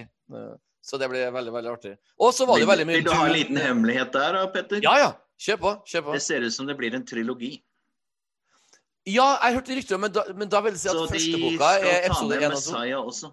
Ja, for det jeg hørte rykter om, det, det blir på en måte en eh, episode For det, det foregår vel sånn 20 år senere, om jeg ikke tar helt feil, fra første Dune-boka. Så film 1 og 2 vil være liksom Hvor, bok eh, 1. Hvor Paul må stå til ansvar for sine handlinger. Korrekt. korrekt. Ah, det er altså Dune er så bra. Og With great power comes great responsibility. That Ja. goes for you too, Paul. Ja. Ib Atreides. Mm. Ja, og så må jeg jo si en ting til før vi avslutter. og Her eh, skal jeg være forsiktig og ordlegge meg. For jeg sa nemlig i vår for, forrige podkast at når vi slår av podkast nå, så skal jeg gå rett på ulovlig webside og se Spiderman 3, No Way Home. Uff Og det gjorde jeg. Eh, Det gjorde jeg. Og jeg skal så klart ikke spoile noen ting, for den har ikke kommet på kino i Norge ennå. Den kommer vel om to uker, om jeg ikke tar feil. Nei, men jeg tror, jeg tror de fleste kan historien eh, uten Ja. Men jeg vil gå så langt og si at um, vi alle husker på Avengers Endgame, på hvor stor den var in the grand of scale of things. Mm. Dette Her, her er Spiderman-universet sin endgame. Uh, og hva nå enn du tolker det, det, det eneste jeg vil at du skal tolke, er at det er kjempeambisjon Ambitious. Kjempestor. Våge å gå veier man ikke har gått før. Og um, der kom Knut tilbake. Jeg skulle bare si det, at bare så tiss, det kjennes ut som jeg hadde drukket 20 sånne Tusken-kaktuser her. ja, Nei, men det, det som er med Spiderman, er at det er slutten på første trilogi. Altså, Korrekt, det er korrekt. Years. Så Ja. neste trilogi, som er Ja. The College Years. Og så kommer sir. da den siste trilogien, som er da The Daily Bugle Years. Ja, ikke, ikke sant. Og det er artig, for jeg tror at Tom Holland kan gjøre eh, seks filmer til lett. Pluss å dukke opp i andre Marvel-filmer. For Knut, jeg, som du vet, jeg så jo Spiderman No Way Home sist gang vi prata sammen på podkasten. Og jeg skal, ikke, jeg skal ikke spoile noen ting annet enn å si at det, den er, det er endgame-størrelse av uh, wow-opplevelser. Ja, det har jeg på en måte skjønt. Og jeg har skjønt at den her også har noen følelsesmessige Oi, oi, oi, oi. høydepunkter. Noen topper her som er vanvittig bra. Jeg, jeg Og hvilken kjent musikal passer til Spiderman-filmene? Oh, Spiderman-musikalen som jeg så i New York i 2012, kanskje? For jeg, jeg så den på Broadway. U2 Rent. musikken. Rent, ja, så klart. Det, det er jo Rent. Det er jo det. Rent? 525,600 Mr. Diko- Dikovic, er det heter? Ja, for han eh, Det er jo samme Det er jo eh, Andrew som spiller den rollen også, som du vet. Men uh, før vi går, om, Før vi ja, går ja, nå, ja. Petter. Vi to har noe til felles. Jeg og du, Ja, vi, Et lite hint. Har- 80-tallet. vi var glad i å danse. En viss person fra 80-tallet. Kan det være Michael Jackson eller Prince? No, en dame. Samantha Fox! Yes, Samantha Fox. Du har jo spilt nettopp i musikal med henne. Jeg har det. Jeg har det. I Lange flate baller 3 så spiller jeg hennes manager. Eller jeg er så utrolig utrolig Ja. Så du er ser veldig, meg og. Samantha i Lange flate baller 3. Nei, det er ironisk, for jeg hadde lange, flate baller når jeg sist gang jobba med i lange, flate baller. Nei, hun var en utrolig trivelig dame å øh, jobbe med. Jeg, vi snakka faktisk litt om henne i forrige podkast. Og øhm, jeg skal jobbe med henne igjen neste november-desember på et stort teater. Så det Jeg kan jo rapportere her også at uh, min lille Lothcat, katten min, uh, Ja. katten som bor her, den har ligget Ja. altså ved siden Ja. av podkasten hele sendingen. ja. Wow! Den har ikke trykket Ja. på tastaturet en eneste gang. Den sover det er 18 timer i døgnet. Og er så altså en sånn eh, oppavlet liksom, premiumkatt som passer Ja. liksom alle Det er liksom den ultimate familiekatten. da. Ja. Det er veldig artig, for at, eh, som jeg nevnte tidligere i podkasten, jeg og min sønn vi fikk oss en katt i går. Og rett, rett etter podkasten her nå, så skal vi rett ut og, eh, og ko- kose med den. Så at eh, den er to og en halv måned gammel og er Oi, oi. grå. Og jeg, jeg hadde lyst til å kalle den for Anakin, men så er det jente, så det ble Poppy. Men du, får- du får et problem hvis den heter Anakin. Ja. Da vil den hate kattesand. Oh, Og hva, og hva skjer når den blir Darth Vader, liksom? Den går fra å være snill Jedi til plutselig får du en sånn Sith-cat. Ja, ja, ja. Det, Det, det, det blir magisk. Det, blir, er en kul katt, iallfall. Og fireåringen eh, begynner å skjønne at eh, han ikke er minst lenger. Så her, her er en sånn fin sånn utvikling av eh, Simon, hvor mange år er dine barn? Eh, min yngste ble nettopp åtte rett før jul. Ah, Og min ah, eldste blir 14 nå i januar. ah. Og, og, og Knut, du begynner å få relativt voksne Ja, Barn du også? Sønnen min blir snart 14, eh, og Ja, datteren min er 10 og et halvt, så blir Ja. eh, 11 neste år. Ikke Så vi er sant? Ganske i samme båten. Det er eh, Simon, så vi får uh, utveksle Og- litt barneoppdragelsestips. Ja. Så, så jeg, har, jeg har både yngste barnet og eldste barnet. elsker anime. Ah, Yep. Ja. Det er kult. Jeg har, Ja. Datteren min er jo veldig glad i Star Wars og Marvel, og nå 'Ringenes herre', som Ja. vi også har sett. Og, eh, Fantastisk. Fantastisk. Sønnen min er mer på Marvel, da. Han liker mer Jeg fikk han hekta på anime etter Totoro. Og den hadde, vi, Ah. den hadde vi som en tradisjon i mange år mens, han, Ja. eh, mens vi bodde sammen. Eh, Wow. Dessverre skilt nå. Men eh, Ja. da hadde vi en tradisjon til jul at vi alltid så Totoro. Men eh, som du vet, sammen, nobody's perfect. Til og med han Solo og Leia ble skilt. Så at det, det, det er ingen eh, fasit i kjærlighetens verden. Nå fikk jeg, nå fikk jeg en sånn eh, slags sånn en visjon av en, en, en parterapiepisode med Kevin Vågenes med Han Solo og Leia. Hadde ikke det vært en Star Wars special? Liksom? Så er det Pad Padme og Anakin neste gang. Og... Ja. Jeg, jeg, jeg vil gå så langt å si at når jeg så Force Awakens og visste ingenting om storyene, storyen, og jeg så liksom at Han Solo og Leia møttes, og vi skjønte veldig fort at de ikke var et par lenger Jeg likte, jeg likte det valget av eh, manus, manuskriptforfatterne, fordi at så to så sterke personligheter kan umulig holde ut med hverandre i, som familiefolk, for de har så mye energi. og det, det som så Jeg syns det var et bra valg. Det hadde vært, vært kjedelig hvis de fortsatt hadde bare vært et fint par, liksom. Så, så for storyens del så syns jeg det var et klokt valg. Hva synes du, Simon, om at Harrison Ford og uh, Carrie Fisher ikke var kjærester i Force Awakens? Var det en rett valg? Eller ble du lei deg? Nei. Altså, det hadde gått så mange år, og sånt nå, men Ja. det var jo en grunn til at det ble splittet. Og det var jo ikke pga. Uh, Nei, han snok. ønsket å være smugler. Det var pga. Ja. Ben Stolo, som ikke hadde gått opp Ja. til den mørke siden. Det var det som Ja. var bruddet. Ja, ja, ja. Det er sant, det. Ja, barna har mye problemer, altså. Ja, ja. det- Ja, Nydelig. So let's end it on a sad note. Kids are dark. Ja, No, kids are lovely. ja det. det. They, they are adorable mistakes. Ja, adorable mistakes. Skal du si hei til han? Si hallo. Eh, For, for våre lyttere så har jeg altså en gutt ved siden av meg på fire år som konstant er nysgjerrig og er litt utålmodig, for han vil leke med katter nå. Så at eh, Så Knut, skal- når, Ja. du har, når ungen din har bursdag nå, blir snart 14 år, så blir det sånn Happy birthday, you bloody mistake! Eh, ja, hyggelig. Og Ja, håper også... ikke barna dine hører på denne podkasten. Jo, du har vært Ja, inne ja. inne flere ganger, faktisk, og de hører Oi, både Det- Tits og blå og alt mulig rart. her. Det, siden jeg og Knut er musikere på døra. Ja.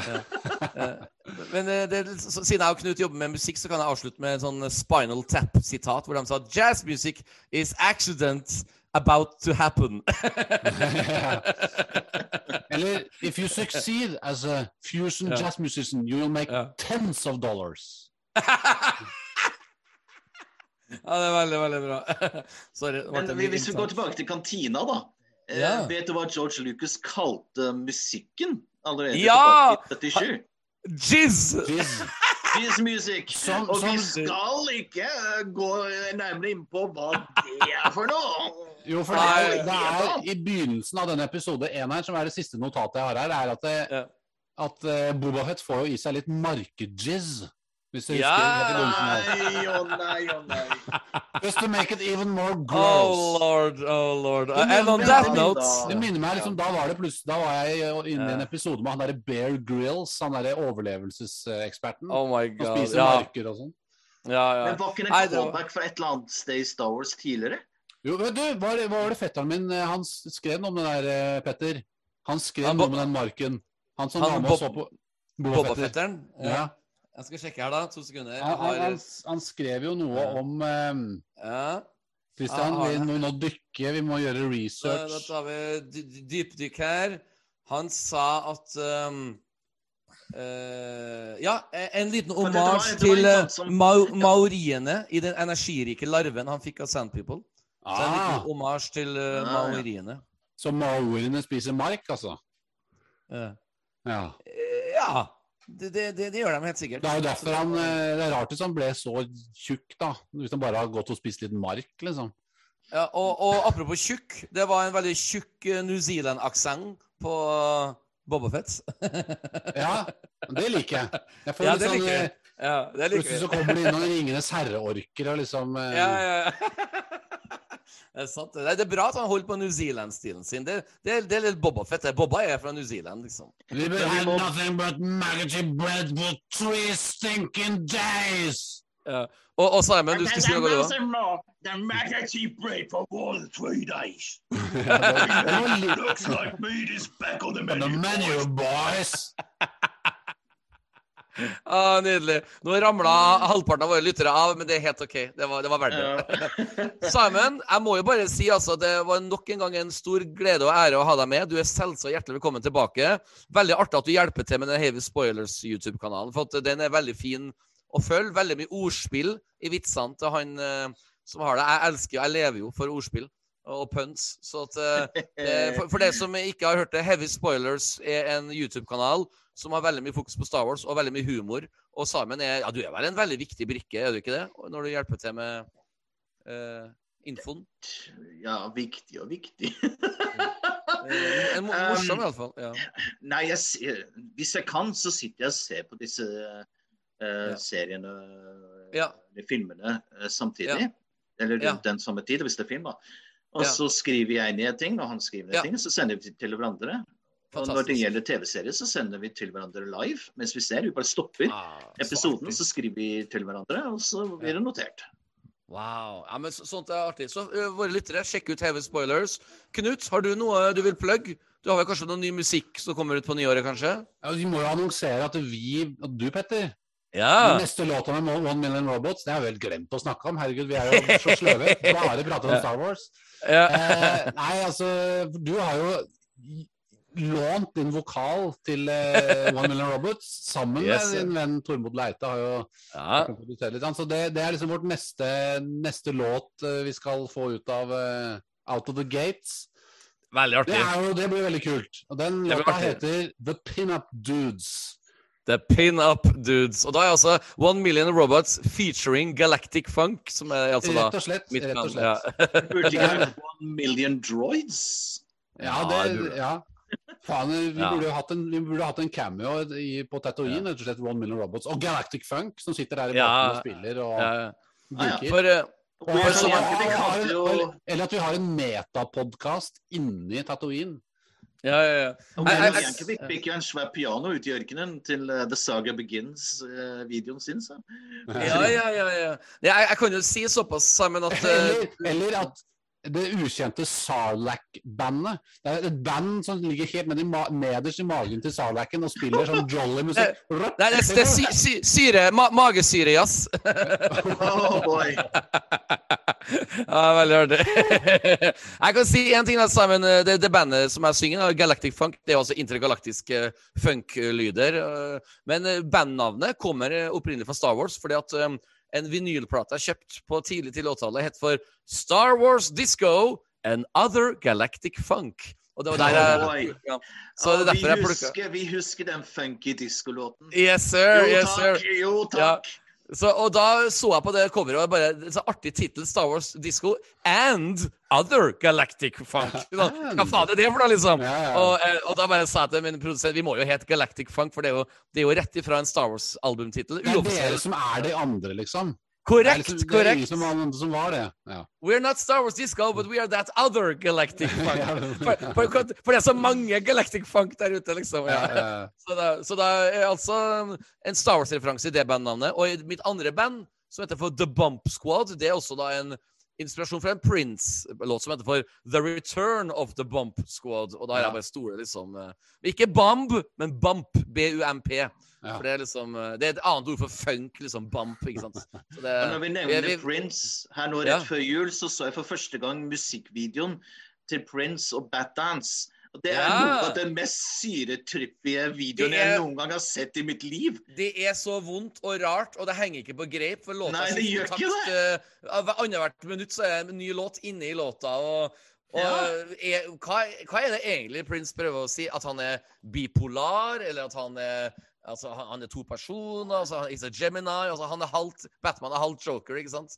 Han er iallfall uh, syk i hodet. Men uh, det, det komiske da med akkurat den låta der, Batdance, er at den havna på nummer én på Billboard-lista i England og USA, som er helt uvirkelig, for det er jo ikke en bra sang, men det er fordi at Batman var så mye i vinden i 1989. Ja, Så ja. alt uh, som hadde Batman-logo på seg, ble nummer én-hits. Det er helt sant. ikke, det er ikke så mange som går ut og nynner på refrenget på den låta. Det kan i hvert fall Nei, nei, ikke nei, nei, det, det, det er ikke refreng. Men det er veldig Jeg, innsatt. jeg, jeg, jeg, jeg syns ja. det var veldig lik 60-talls-seriemusikken. Batman! Ja, korrekt. Det er en liten sample inne.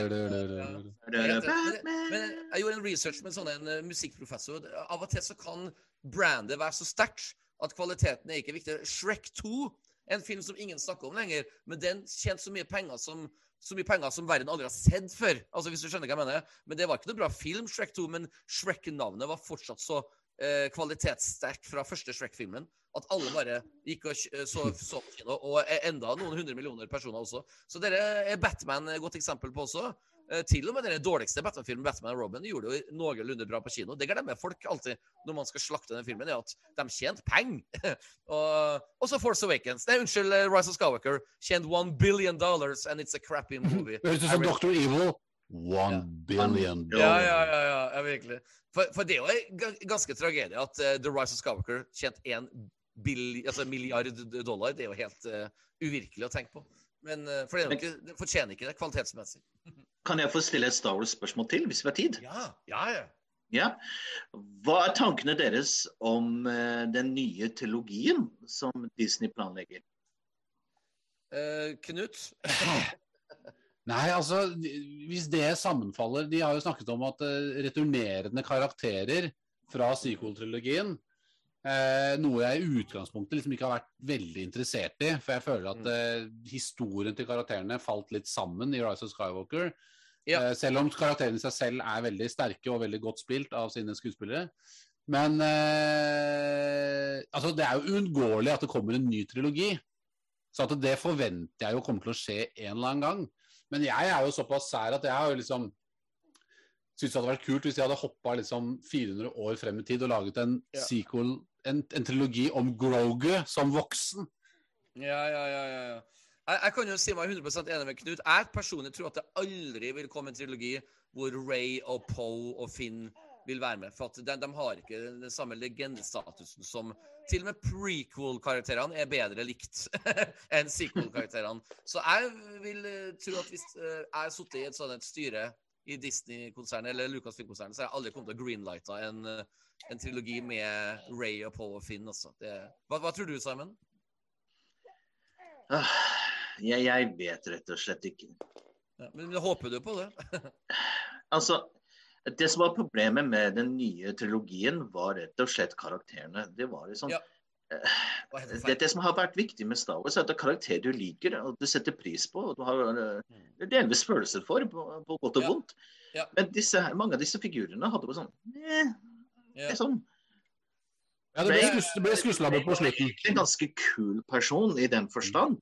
Men hun ble liksom en sånn uber-Jedi, force user eh, Ja, ja, og, og, og, og, og Finn, Finn da, ble jo bare ble bare- en, en klovn. Det verste er jo, Finn er kanskje det verste eksempelet. Ja, Han, eh, han, han ble bare totalt borte. Hans Ja, ja, historie ja, ble borte. Ja, det, er, det, er, det er jo den neste Disney Pluss-serien. Den heter Find Finn. heter den. Ja, ja, ja. ja men, men altså, jeg må bare støtte sammen. Altså, du, hvis du starter Force Awakens med masse kjøtt på beina til Finn, hvor du bygger opp en karakter som er tvilende stormtrooper, og så ender opp med at han bare klapper ei, ei dame på skuldra på Rise of Skywalker og bare sier ah, 'good job, bye bye'. Altså, det skjer Ja. ingenting! Vi, vi- I have so many questions, but I don't care anymore. Problemet med, problemet med var at det var ingen rød tråd. Det skulle ingen vært en rød tråd. gjennom alle tre filmer.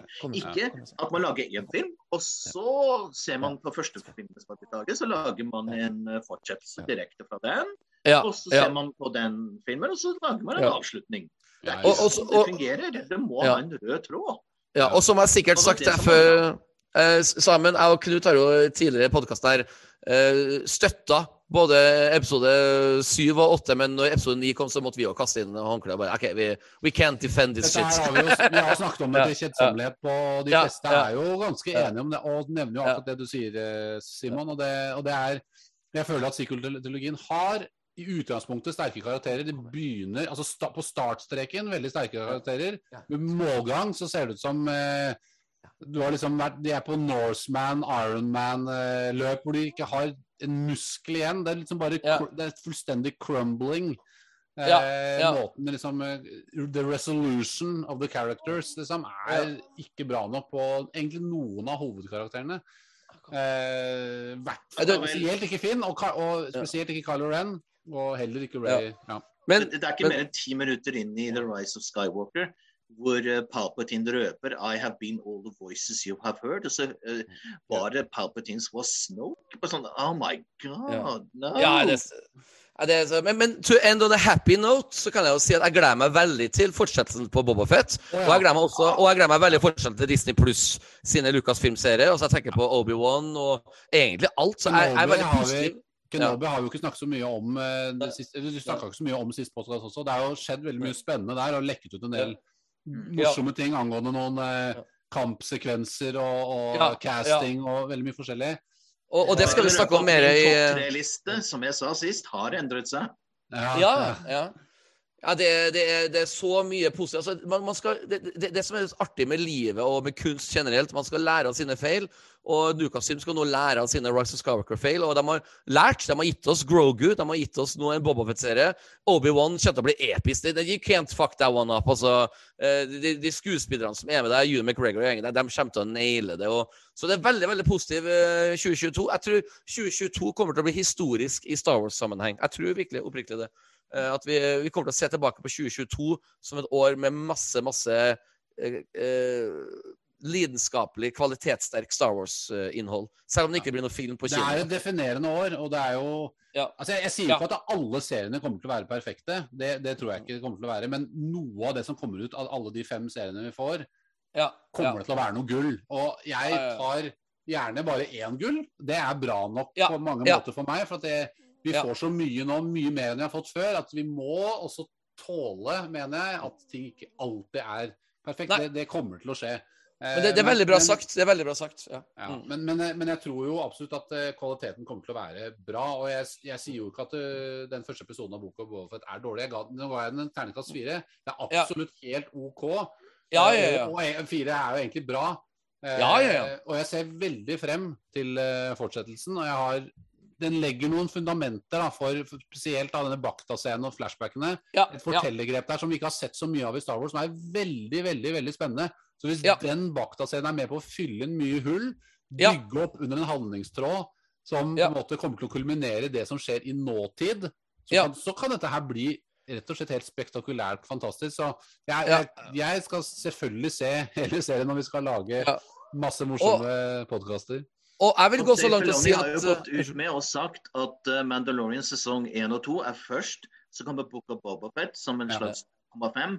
Og Ja. så kommer The Mandalorian uh, rett etterpå. Så Ja. alle disse episodene egentlig følger hverandre. Ja, jeg, jeg, jeg, vil, jeg, vil gå, jeg vil gå så langt å si at jeg håper at hver eneste episode av Bobafett, altså de seks resterende episoder, har masse flashback-scener. Jeg vil ha flashback-scener i hver eneste episode. For det, det, og, så, så den lille historien eh, som foregår i nåtid, den kan være så kort og søt og fin som den bare vil, men jeg vil ha flashback hele tida. Er, er dere Og ikke det kommer du til å få, Petter, etter det vi har sett i trailerne. Ja. Ja, ja, ja. Trailerne har røpet at det blir mange flere flashbacks. Ja, God bless the Bacta tank and its Ja. memory. Ja. Gutter, herre, en sann fryd. Jeg må ut og leke med katta. Og Theon, og guttungen min, han er på rima i armen her. Men vi Jeg avslutter du sa katten først. Ikke Ja, sønnen. altså Jeg skal se om Og, jeg klarer å få noe lyd ut av katten her. Skal vi se. Å, ja, ja, ja. Theon, nå er vi ferdig. Oi! Jeg hørte det. Jeg hørte det. Var meg. Ja, Det var, det var du, ja. Darkos, han Darkos, den katten her, er jo så snill at eh, han, eh, han lager nesten ikke noe lyd i det hele tatt. Han ligger her som et slakt i, eh, i dyna her. Nydelig. Vi skal få avslutte med berømte Star Wars-sitater. Jeg kan starte, og så kan Knut, og så kan Simon avslutte. Jeg, skal, jeg skal rett og slett komme med et sitat som ennå ikke har blitt brukt i Star Wars, så kommer til å bli brukt. Det kommer til å bli brukt i Bobafett når Samuel L. Jackson Mace Windu dukker opp, og han sier The party is still on. Sier han. Jeg gjør som Bobafett avslutter denne episoden her, og det er rett og slett bare å si